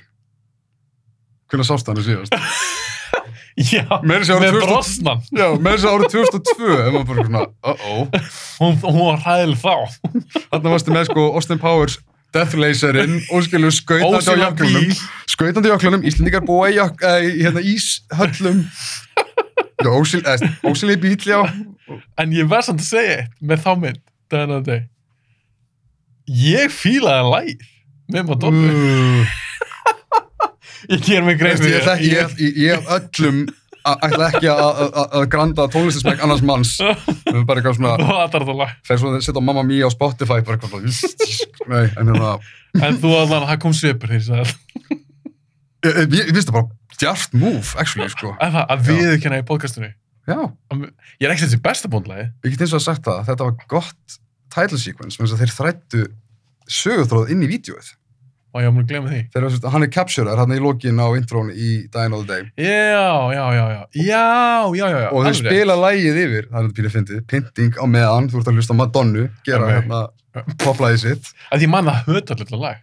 Já, ég maður það líka. Veist, ég, ég myndi aldrei sé, ég hata það. Mér ást þannig að Quantum of Solace lagi verra. Þannig að Jack White og Alicia Keys, Mér mér finnst alltaf lag. er ég með ræðilega tónlistsmæk? Við erum öll En á ég segja eitthvað mér besta bóndlagi. uh, endilega. Ertu með eitthvað preference þar? Já, lítur að vera. Ok, ég, Living Daylights, aha. Það er svolítið gott. Já, ég er svolítið þar. Í sterku öðru seti ætla ég að lista GoldenEye. Já, það er það- Sérstaklega það sem að skilju hvað, hún er 95. Það var svona fyrsta Bond-myndin, það var fyrsta, fyrsta awarenessi mitt fyrir Bond. Mhm. Þannig var svona, wow, hvað er þetta? Hvað er þetta 007? Já, það var í ganga úslega lengi. Mhm. Ha? Þú veist, það var bara svo nýtt franchise fyrir manni. þannig að Brosnan var algjörlega intro mitt á Bond Mhm. en svo mikið svo að ég varð að sjá allt hitt skilju, og hérna en bara að heyra sko Tínu Turner hérna upphafsmomentin í, í læginu þannig svona bara hljómaði bondlag svona sem bara Shirley Bassey gerði það fyrir mörgum öðrum alls konar, að Ég ég get sagt það líka með tíum tónleið. Nummið hér, Ok, geggjað. Úf, hvað er konir? Herðu, uh, við erum konin í nummið tvö. Áttu ekki að byrja núna? Var þetta ekki nummið þrjú hefur? Jú, Þessi? jú, jú, góð Ok. okay. um þrjú Hvað er nummið tvö hefur? það myndi vera lítil mynd sem hefur þann ingang að, hefum, ok nei, ég ætla ekki að segja það Lítil mynd. lítil mynd sem er merkileg fyrir það Mm. að vera framhaldsmynd sem að setja í gang af ástríðu ekki út af sölu tengdum ástæðum Mm. Richard Linklater, Julie Delby Já, já. Ethan Hawke þeim langa, þau vildi segja sögu og framleiðandi voru bara eitthvað af hverju þessi mynd græti ekki kanil bara eitthvað, okkur langar bara að gera aðra sögu Aldrei tvö eða þrjú. þetta er nummer tvö Er það Before Sunset? þriðja myndin er þessi sem ég valdi síðast fyrir hérna áratvíðin hann 2013 Alveg rétt. en þessi hlýtur special placeið fyrir það að vera fyrsta lagi sko, já, ef þú horfur að þessa myndir saman Mm þú veist, ég geti gert atun úr því að, sel, að bara vera að vera klappstýra fyrir þessa myndir líka við sko. Þú ætlaði að seldi mér þær. en en það, sem sagt það er, já, þetta er svipa fíl, samt gera ólíkur tónn á myndum, þú veist, önnu myndin er meira bara svona hangout, romance eða svona existentialist, bara svona unga ást og lífið allt saman, þetta er nánast bara eins og thriller, bara svona will they won't they í thriller formi Jaha. myndin er 70 mínútur kannski gefur tek 2 mínútur og hún gerist á 70 mínútum Já, alveg, þú, þú ert svolítið svona það er búið að planta hvað er að fara að gerast eftir x tíma. Hér eru steiksin þetta er svolítið cool. Og já, myndin er alltaf gerð bara af hörku og ástríðu. Gerir svona sama held ég production company sem gaf út þú veist, það er Ekki sama. það, mér finnst það svo geggjað. Að hérna, þú veist, að Castle Rock eitthvað gerði Before hérna, Sunrise. Ah. svo hérna eitthvað indie departmenti á Warner Brothers gerði þessa. Annars skilur það þurft það var engin klamering til þess að vera að gera þessa mynd nema bara þau sem að töldi sig að eitthvað að segja. Þessi leikstjórun og leikarinnir og aðstandendur. Það er svolítið magical, sérstaklega ef afraksturinn er fokkin geggjaður og þessi mynd inneldur einhvern besta endi sem ég á æfinni séð. Þannig að Tjóð, þú ert hér er, með hún, ennþá hún er nummer tvö og hérna þá er, Það var ég nummið tvö. ó Sko, eitt og tvö að mér er mjög... veitu, tekur þú þá tvö og eitt í einu? Er ég ekki að taka báða kannski það Þetta voru báðar. já, um, Já, enda þetta bara. Eða þess að ég hef síðan tekið fyrir mína tvö og eitt.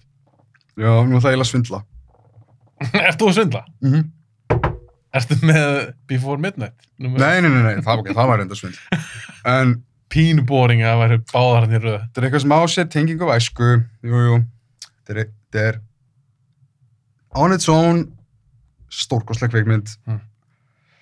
hún dýfkar 100% það sem að á undan kom og setti nýjan tón sem er einu bara svona mörguleiti kendur við það sem gerir þetta gott myndin er The Empire Strikes Back Já, ég var alveg svona 50-50 hvort þetta hafa hann með. ástákur ég segi ég ætla að svindla og ég er svona eiginlega pínu að hata sjálf mig fyrir þetta val þess að ég get ekki Star Wars í dag En okkur er þetta svindl? Eða þú veist hvað mennur? eða svona okay.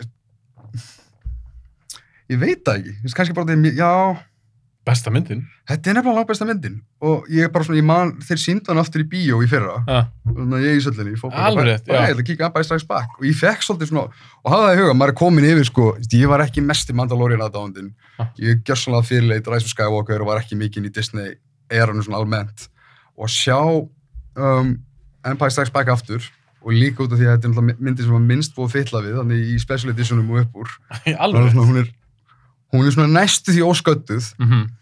en ég fann bara fyrir því aftur en í fyrra þetta er bara dynamite fucking geggjuð fantasy mynd hún er, mynd. það er, það er, það er svona, það er svona fullorðslegur keimur af í henni, hún er um val, hún er um örlög, hún er rosalega blík Mhm.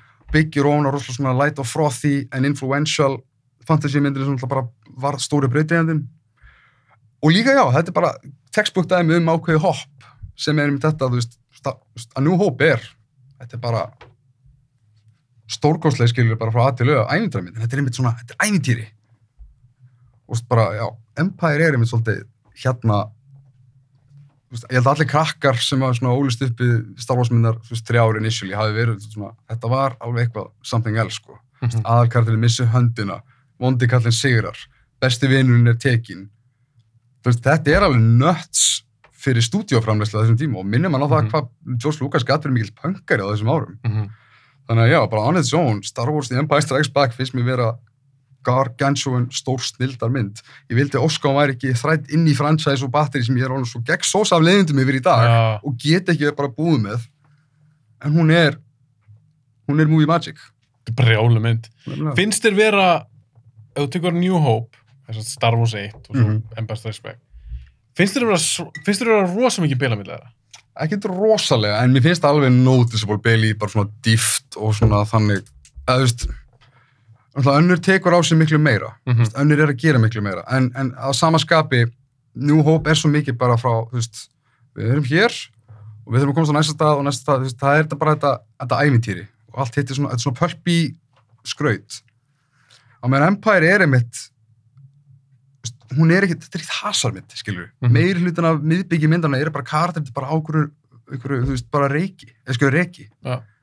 og bara svona einhvern veginn svona að discovera nýja hluti við þessi sjálfa og, og aðstæðum og veist, einhvern veginn, já, alls, já, Hvernig er þetta Jedi? mjög skemmtileg, fíla hana. Já, þið finnst þú alveg solid mynd Já. Frábær, fyrsta aktin, frábær þriði aktin, mín er allt í Já. En já, ég er bara svona, þegar ég var að fara yfir þetta, ég svona, og sérstaklega já, með, með það en hindsight að ég Ó. sá Empire í bíó, ég var svona, motherfucker, hvað þetta er góð mynd, hvað er ekki Star Wars svona í dag? Þetta er ógislega góð mynd. Að, Mér finnst stundu skrítið, ég veit að smekkum anime í sjálf. Mér finnst samt skrítið ef ég spyr ykkur, hver, hver er styrjar besta starfsmyndin eða upp á starfsmyndin? Og fólk sem segir ekki Empire. það er svolítið skrítið. Er það ekki Hvað hvað svör hefur þið fengið? Það hafi oftast fengið nummer eitt. New Hope. Já, þú ætti ekki að já, jú, nei, mjög í þriðið að setja mér, ok. Ég er nefnilega smá prequel defender sko líka. Sko, svo fyndum við þær. Ég kann betur að meta þær í dag eftir þess nýju. Sama. Algjörlega sama. Ég að hugsa svona, við höfum það ekki svo slæmt þarna. Mér sko þetta, jú, þetta var ekkert frábæra myndir, en það er vissu hvað þeir voru að segja. Og það er líka, og það er, mér fannst að reyna eitthvað, mér fannst að reyna eitthvað nýtt. Ógislega innovative, mikið verið að púsja brellur, mikið verið að púsja svona nýja heima og plánutur og koncept og þú veist, pólitík og valdapólitík. Sko mér Disney, bara eitthvað, uh, hvað fíla fólk í Star Wars? Ég veit ekki, gíslasverð, sandplánutur, þannig að já, Já, ég, ég, ég samt skil hvað þetta. Ég hata þær ekki eins mikið og margir. Príkulmyndar. Nei, nei, alls ekki, alls ekki. Ég er bara, þvert á móti finnst mér Revenge of the Sith vera legit bara fucking geggjum mynd, sko. Er, er það ekki besta príkulmyndin? Jú. Já. Mér finnst það. Hver finnst þú með tvö? Takk á það klóns. Já, já. Já, Man er svona liðlaust. sko, mér finnst, uh, mér finnst, finnst, í dag finnst mér lítið, svona, það er ekki mikið á millið þeirra, þannig. Nei. Það er svona, ég, ég svona, kannski er ég bara orðinn svo vanur þeim og konseptin í, í þeim eru svo grand og mikil og, veist, og við sjáum hversu slæmt við höfum haft, veist, færibands Star Warsið. Þannig að ég skal, ég skal taka óþólandi Jar Jar yfir, þú veist, hérna, allar senur í Rise of Skywalker eða hérna, hefði Chewie, fáði medalíu af hverju? Æ, aðdándur voru kvart yfir svo á netinu fyrir mörgum árum Og fegst aldrei. Og ekki þetta er svo fárulegt þannig, að já Ok, ef að fara, og ég að klára það. en, Þú veist alveg hvað er nummer tvö. Bitu, bitu, bitu. Já, ok. Ef að búið til giskleikur þessu. Það er Aliens og Terminator 2 já, Það er Cameron Duo ég er svo mikil gaman maður. Aliens nummer tvö og Terminator 2 er Mm. uh, nummer eitt hjá mér. Ástæðan fyrir að Aliens er ekki fyrir ofan Terminator 2 er að Alien 1 finnst mér ógeðslega góð mynd. Mér finnst Alien, Já, skilur, stökki er ekki, Mhm. þú veist, gæðilega, ég get ekkert sagt að Alien sé betri mynd en eitt. Líka bara hvernig tíminn fer með sikkvort sikkvort forverðan, sko Já, af því Alien eldist alveg vel. Veist, Mér finnst það. Þú getur sínt einhverjum af nýju kynnslóðinu Alien og virkilega, manneskar skýtur á sig, sko Já, Terminator, það er ekki alveg það sama, sko. nei Af því ég síndi eins og ég hef oft með þetta podcastum, ég síndi gæristunni Alien, Aliens og Terminator, Terminator 2. Það var rosalega erfitt að horfa með hann á Terminator 1. Af því hún var, hún aldrei séð þær. Ó, hún, hún er, já, ég myndi já, að sjá já. þetta bara 2020, Mhm. fyrsta skipti og hún er ekkit, hún er ekkit svona hardcore nörd ég, mm hún Mhm. er ekkit með eitthvað svona reference. Og hún var alveg bara eiginlega svona smá að hlæja henni. Uh, Terminator 1 Já, þetta er svo mikið, er svo, Ég skil það alveg já, þú veist, ég skil það, Já. þetta er bara svo rosalega 80s mynd. Já, sko, það, það er, ég, ég veit ekki hvort það sé að alla myndir eru bötsinstíma og náttúrulega tími leiði það ljós hvernig kemur klassikin sko. Mhm. en það fer að vera smá vandamál þegar fyrir eins iconic legendary mynd og fyrsti Terminator sem bæða við á handriti ég fíla betur en tvö en ég skemmti meiri við tvö Já, finnst, þér handliti betur þar? Já. Og þegar, veist, mér finnst tvö taka svolítið svona cop-out í handritinu sínu eiginlega bara til þess að vera svolítið svona stærri, stærri og meira, en that being said, hún er bara svo gott stærri og meira, Mm -hmm. En þegar kemur á Terminator 1, það er smá vandamál þegar þú þarfst að segja við sessunutin, bara eitthvað, æ, þú veist, ég hætti að býða þér hann í bíón 84, sko, bara fólk var trillt í salinu þegar hann kemur þetta í stop motion, Já. hérna, út úr bálinu, og í dag eru við bara svona, leir. Já, líka bara eins og þegar Svarsnegur er að hann er að laga eitthvað, auga sitt eða eitthvað og það er bara brúða.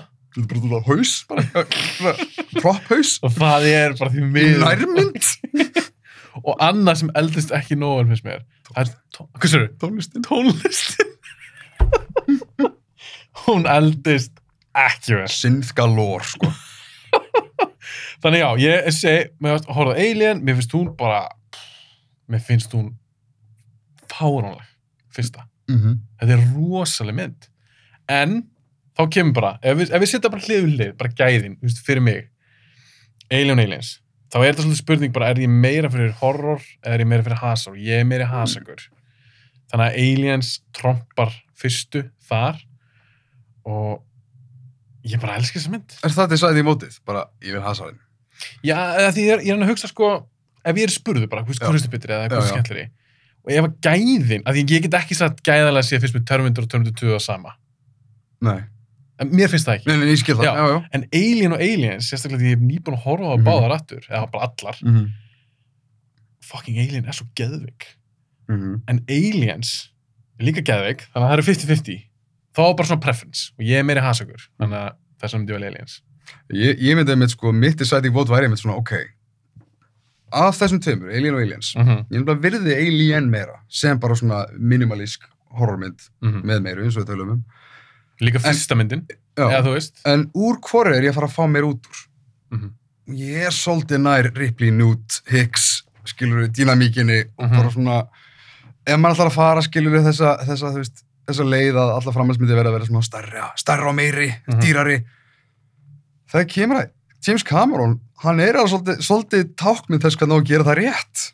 Það er svona, finnst mér svo erfitt að, hérna, hvernig einn svona yppa öxlum yfir Avatar 2, sem ég gera vísu, ég held bara svona, ok, en einhver að vekja mig þegar kemur önnur Avatar mynd, hvena sem að því kemur ef það gerist.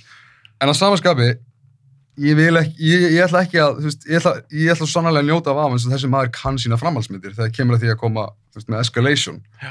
Og, já, hann, veist, hann, hann, hann half-assar aldrei neitt þannig, sko. Þannig ég, og í tengslu við Alien Aliens, já, og hún er líka næsti kapli og hún stækkar, skilur Mhm. og hún er, þú veist, það er meira, uh, svona, þú veist, worldbuildingið og já, þú veist, þú ert líka með, Já, ég, ég fíla svo mikið þessa, þessa rutta hann, þú veist, Bill Paxton og Vasquez og Algjörlega. það er svo mikið textjur og karakterar sem, sem fyll upp í þetta, meðan sko ofta ef maður sér myndir sem er að reyna að vera eins og aliens, Mhm. tökum bara ok, tökum bara Alien vs Predator sem dæmi er svo mikið að reyna að vera aliens, bara ekki á hér eru the, rough, the roughnecks, Mhm. en mannst eitthvað eftir einhverju karakter úr Alien vs Predator fyrstu myndi Nei. þannig að þetta er svona textjúri skiptir rosalega miklu, sálinn skiptir miklu ég elska Newt Ripley, Ég líka, Dæmi, dæmi, ekki, ekki miskjum, ég er ekki að segja bara því þetta er hasamynd versus hina. Um, Aliens er alltaf me- meira uppáldið mér. Er Alltaf. það, já. Já, já, já, Já, alveg pjúra. En mér er svo gaman að ég hef alltaf verið, ef þú spurt mér fyrir fimm árum, bara er betri, ég hef alltaf sagt, "Pff, Aliens, miklu betri. sástu þær í röð í æsku Nei, ég svo Aliens fyrst. já, sama hér Já, þú sást hana á undan Já. En það er mjög einföld ástæð fyrir því, að því að pappi minn er mikill actiongaur, þess vegna ég er Mm. mikið actiongaur. Hann var alltaf að sína mér hasamyndir. Og hún varst Aliens miklu betri, Mm. skemmtilega heldur Mhm. fyrsta. Þó hann fíla alveg fyrstu. En það kom bara svo skemmtilega óvart þegar ég horfði hann aftur, fyrstu myndina. Þetta er svo góð mynd. maður. Já, ég er alveg það líka, sko, Hef- hefur þið tekið svona veist Svona, nei, það er aliens og, ek, og bara ekkert annað. Svo, þú veist, jú, það er alveg svolítið, væl- skilur, hefur, upp, kannast upp þið við, svona uppáhald. Já, þú veist, hefur þið lent í svona jójóni, svona, þú ert hérna megin, nei, hérna megin, hérna megin, eða hefur aliens alltaf verið, Aliens er alltaf verið frá hann. ok, Alltaf. En Alien er komið nærinni. ég skil þig, ok, Skilur já, veist, eins og með Terminator 1 og Terminator 2 mm -hmm. mér veist, Terminator 1 mér finnst að það komið Já. gjáin er stærri ég skil þig, já. í dag Mm en hjá Alien og Aliens, En handritið samt. hún mingar já, Já, ég já, meina, já, já. það er alveg, ég með þykir rosa væntu Terminator 1 mér finnst Michael Bean aðeinslunni gaman svo svastneikana, líka alveg perfekt hlutverk hver fyrir besti síkvensin í Aliens? Hann í Aliens. Já. Fuck, það er svo mikið maður. ok, betri spurning. Eðna, hvor útgáfuna, ok, að báðum horfur á.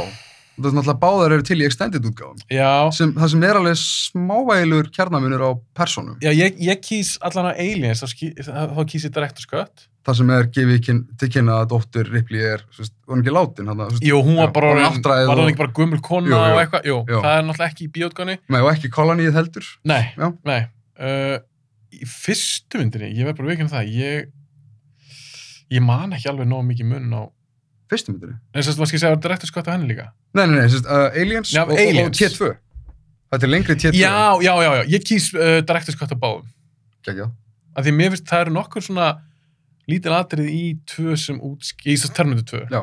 sem útskýra svona aðeins betur og og sem smá, eins og ég, ég held að ég horfi bara á Director's Cut í dag, Mhm. það er svolítið síðan ég sá bíótgána, ég er svo mikið það líka sko. að ég er, svo, það er svona aðeins búið, en mér minnir í Director's Cut þegar að þeir, þeir aðgerinn, það var lengri útgáfan er það ekki? Já, það, var ekki chipið var ekki í bíótgáfani það var ekki bíótgána Nei, og mér finnst það rosa mikilvægt aðrið. áralegt skot ótrúlega flott skot Já, hann, var það ekki tvíburasýstur hennar Linda Hamilton? Jú, Það er geð, geðveikt, skot. þannig kemur líka inn á það sem við komum inn á áðan sem er, þú veist, þegar framleiðendur eða þegar, þegar kemur að því að stundum, eitt sem var oft notað var, Mm. skilju, bara til að geta sínt myndin oftar þá voru framleiðendur alltaf að klippa myndin niður, skilju Mm -hmm. þetta hefur þannig oft verið, skilju, frekar að hafa hana sex ríl þegar voru í filmuríli heldur en 7 eða 8 Mhm. ég skil það að einhver leiti en samt ekki, það fórlegt við eigum bara að harka á okkur og horfa góða langa myndir. Veist, góð saga, þú veist, saman hversu lengur hún er ef þú færið henni, þá færið henni. Það er ekki bara eitthvað, þú veist, er þannig ef hún er nógu sterk. En snýst þetta ekki líka um bara að þá koma þér fleiri bíósýningar? Jú, það er akkurat málið, ja, segja, sko, þannig að í rauninni, og eins og við tölum um fyrsta til að fjúka er alltaf momentin sem maður venjulega fíla svona meiri í drættsköttunni svona, æ, það er svo gott lítið þarna með karakterinn og svarsan ykkur að læra og, Já. Og þetta er fyrsta til að fjúka fyrir, einmitt, til að koma fleiri bíósýningum bara að tökum út allan núans í sambandinu millir hans og Edvard Já. það er svo leiðilegt Þú veist, þú ert þú veist, að skapa söguna þú vilt svolítið að þetta hangi jafn, við jafn mikilvægt vægi og hérna hasarinn Mm -hmm. þannig að já, direktskottin, eða extended skottin í báðum tilfellum ég er sammála Já, ég, ég kýs báðar Director's Cut. En hvað skal ég spyrja um svona sequence í Aliens? Já. Svona uppáhalds kannski.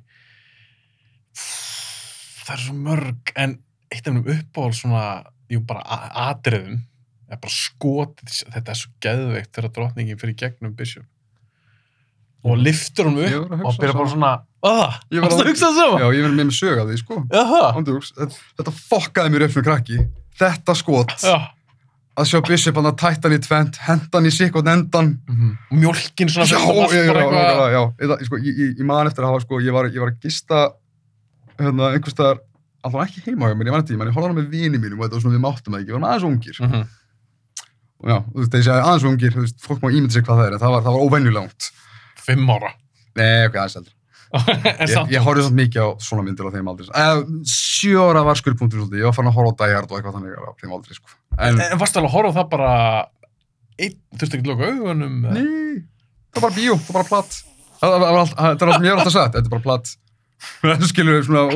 bara einn, þurftu ekki að loka augunum eða? nei, það var bara bíó, það var bara platt. Það það var allt, það er allt sem ég hef alltaf sagt, þetta er bara platt. Það skilur við svona, og Tómat ma- Sosa. ma- maður horfir á einhverja hérna, já, ég man, ég, það þurfti að sína mig sko feature 1 úr Jurassic Park til að koma, sérðu hvernig þetta er? Við bara, á, ok, ekkert mál. Já, já, til að skilja bara, þetta er feik Í æsku var, í æsku var einhvern veginn svona minningin þannig að Jurassic Park var svona eina sem virkilega svona satt í mér, dreymdi martaðar um risaðlur.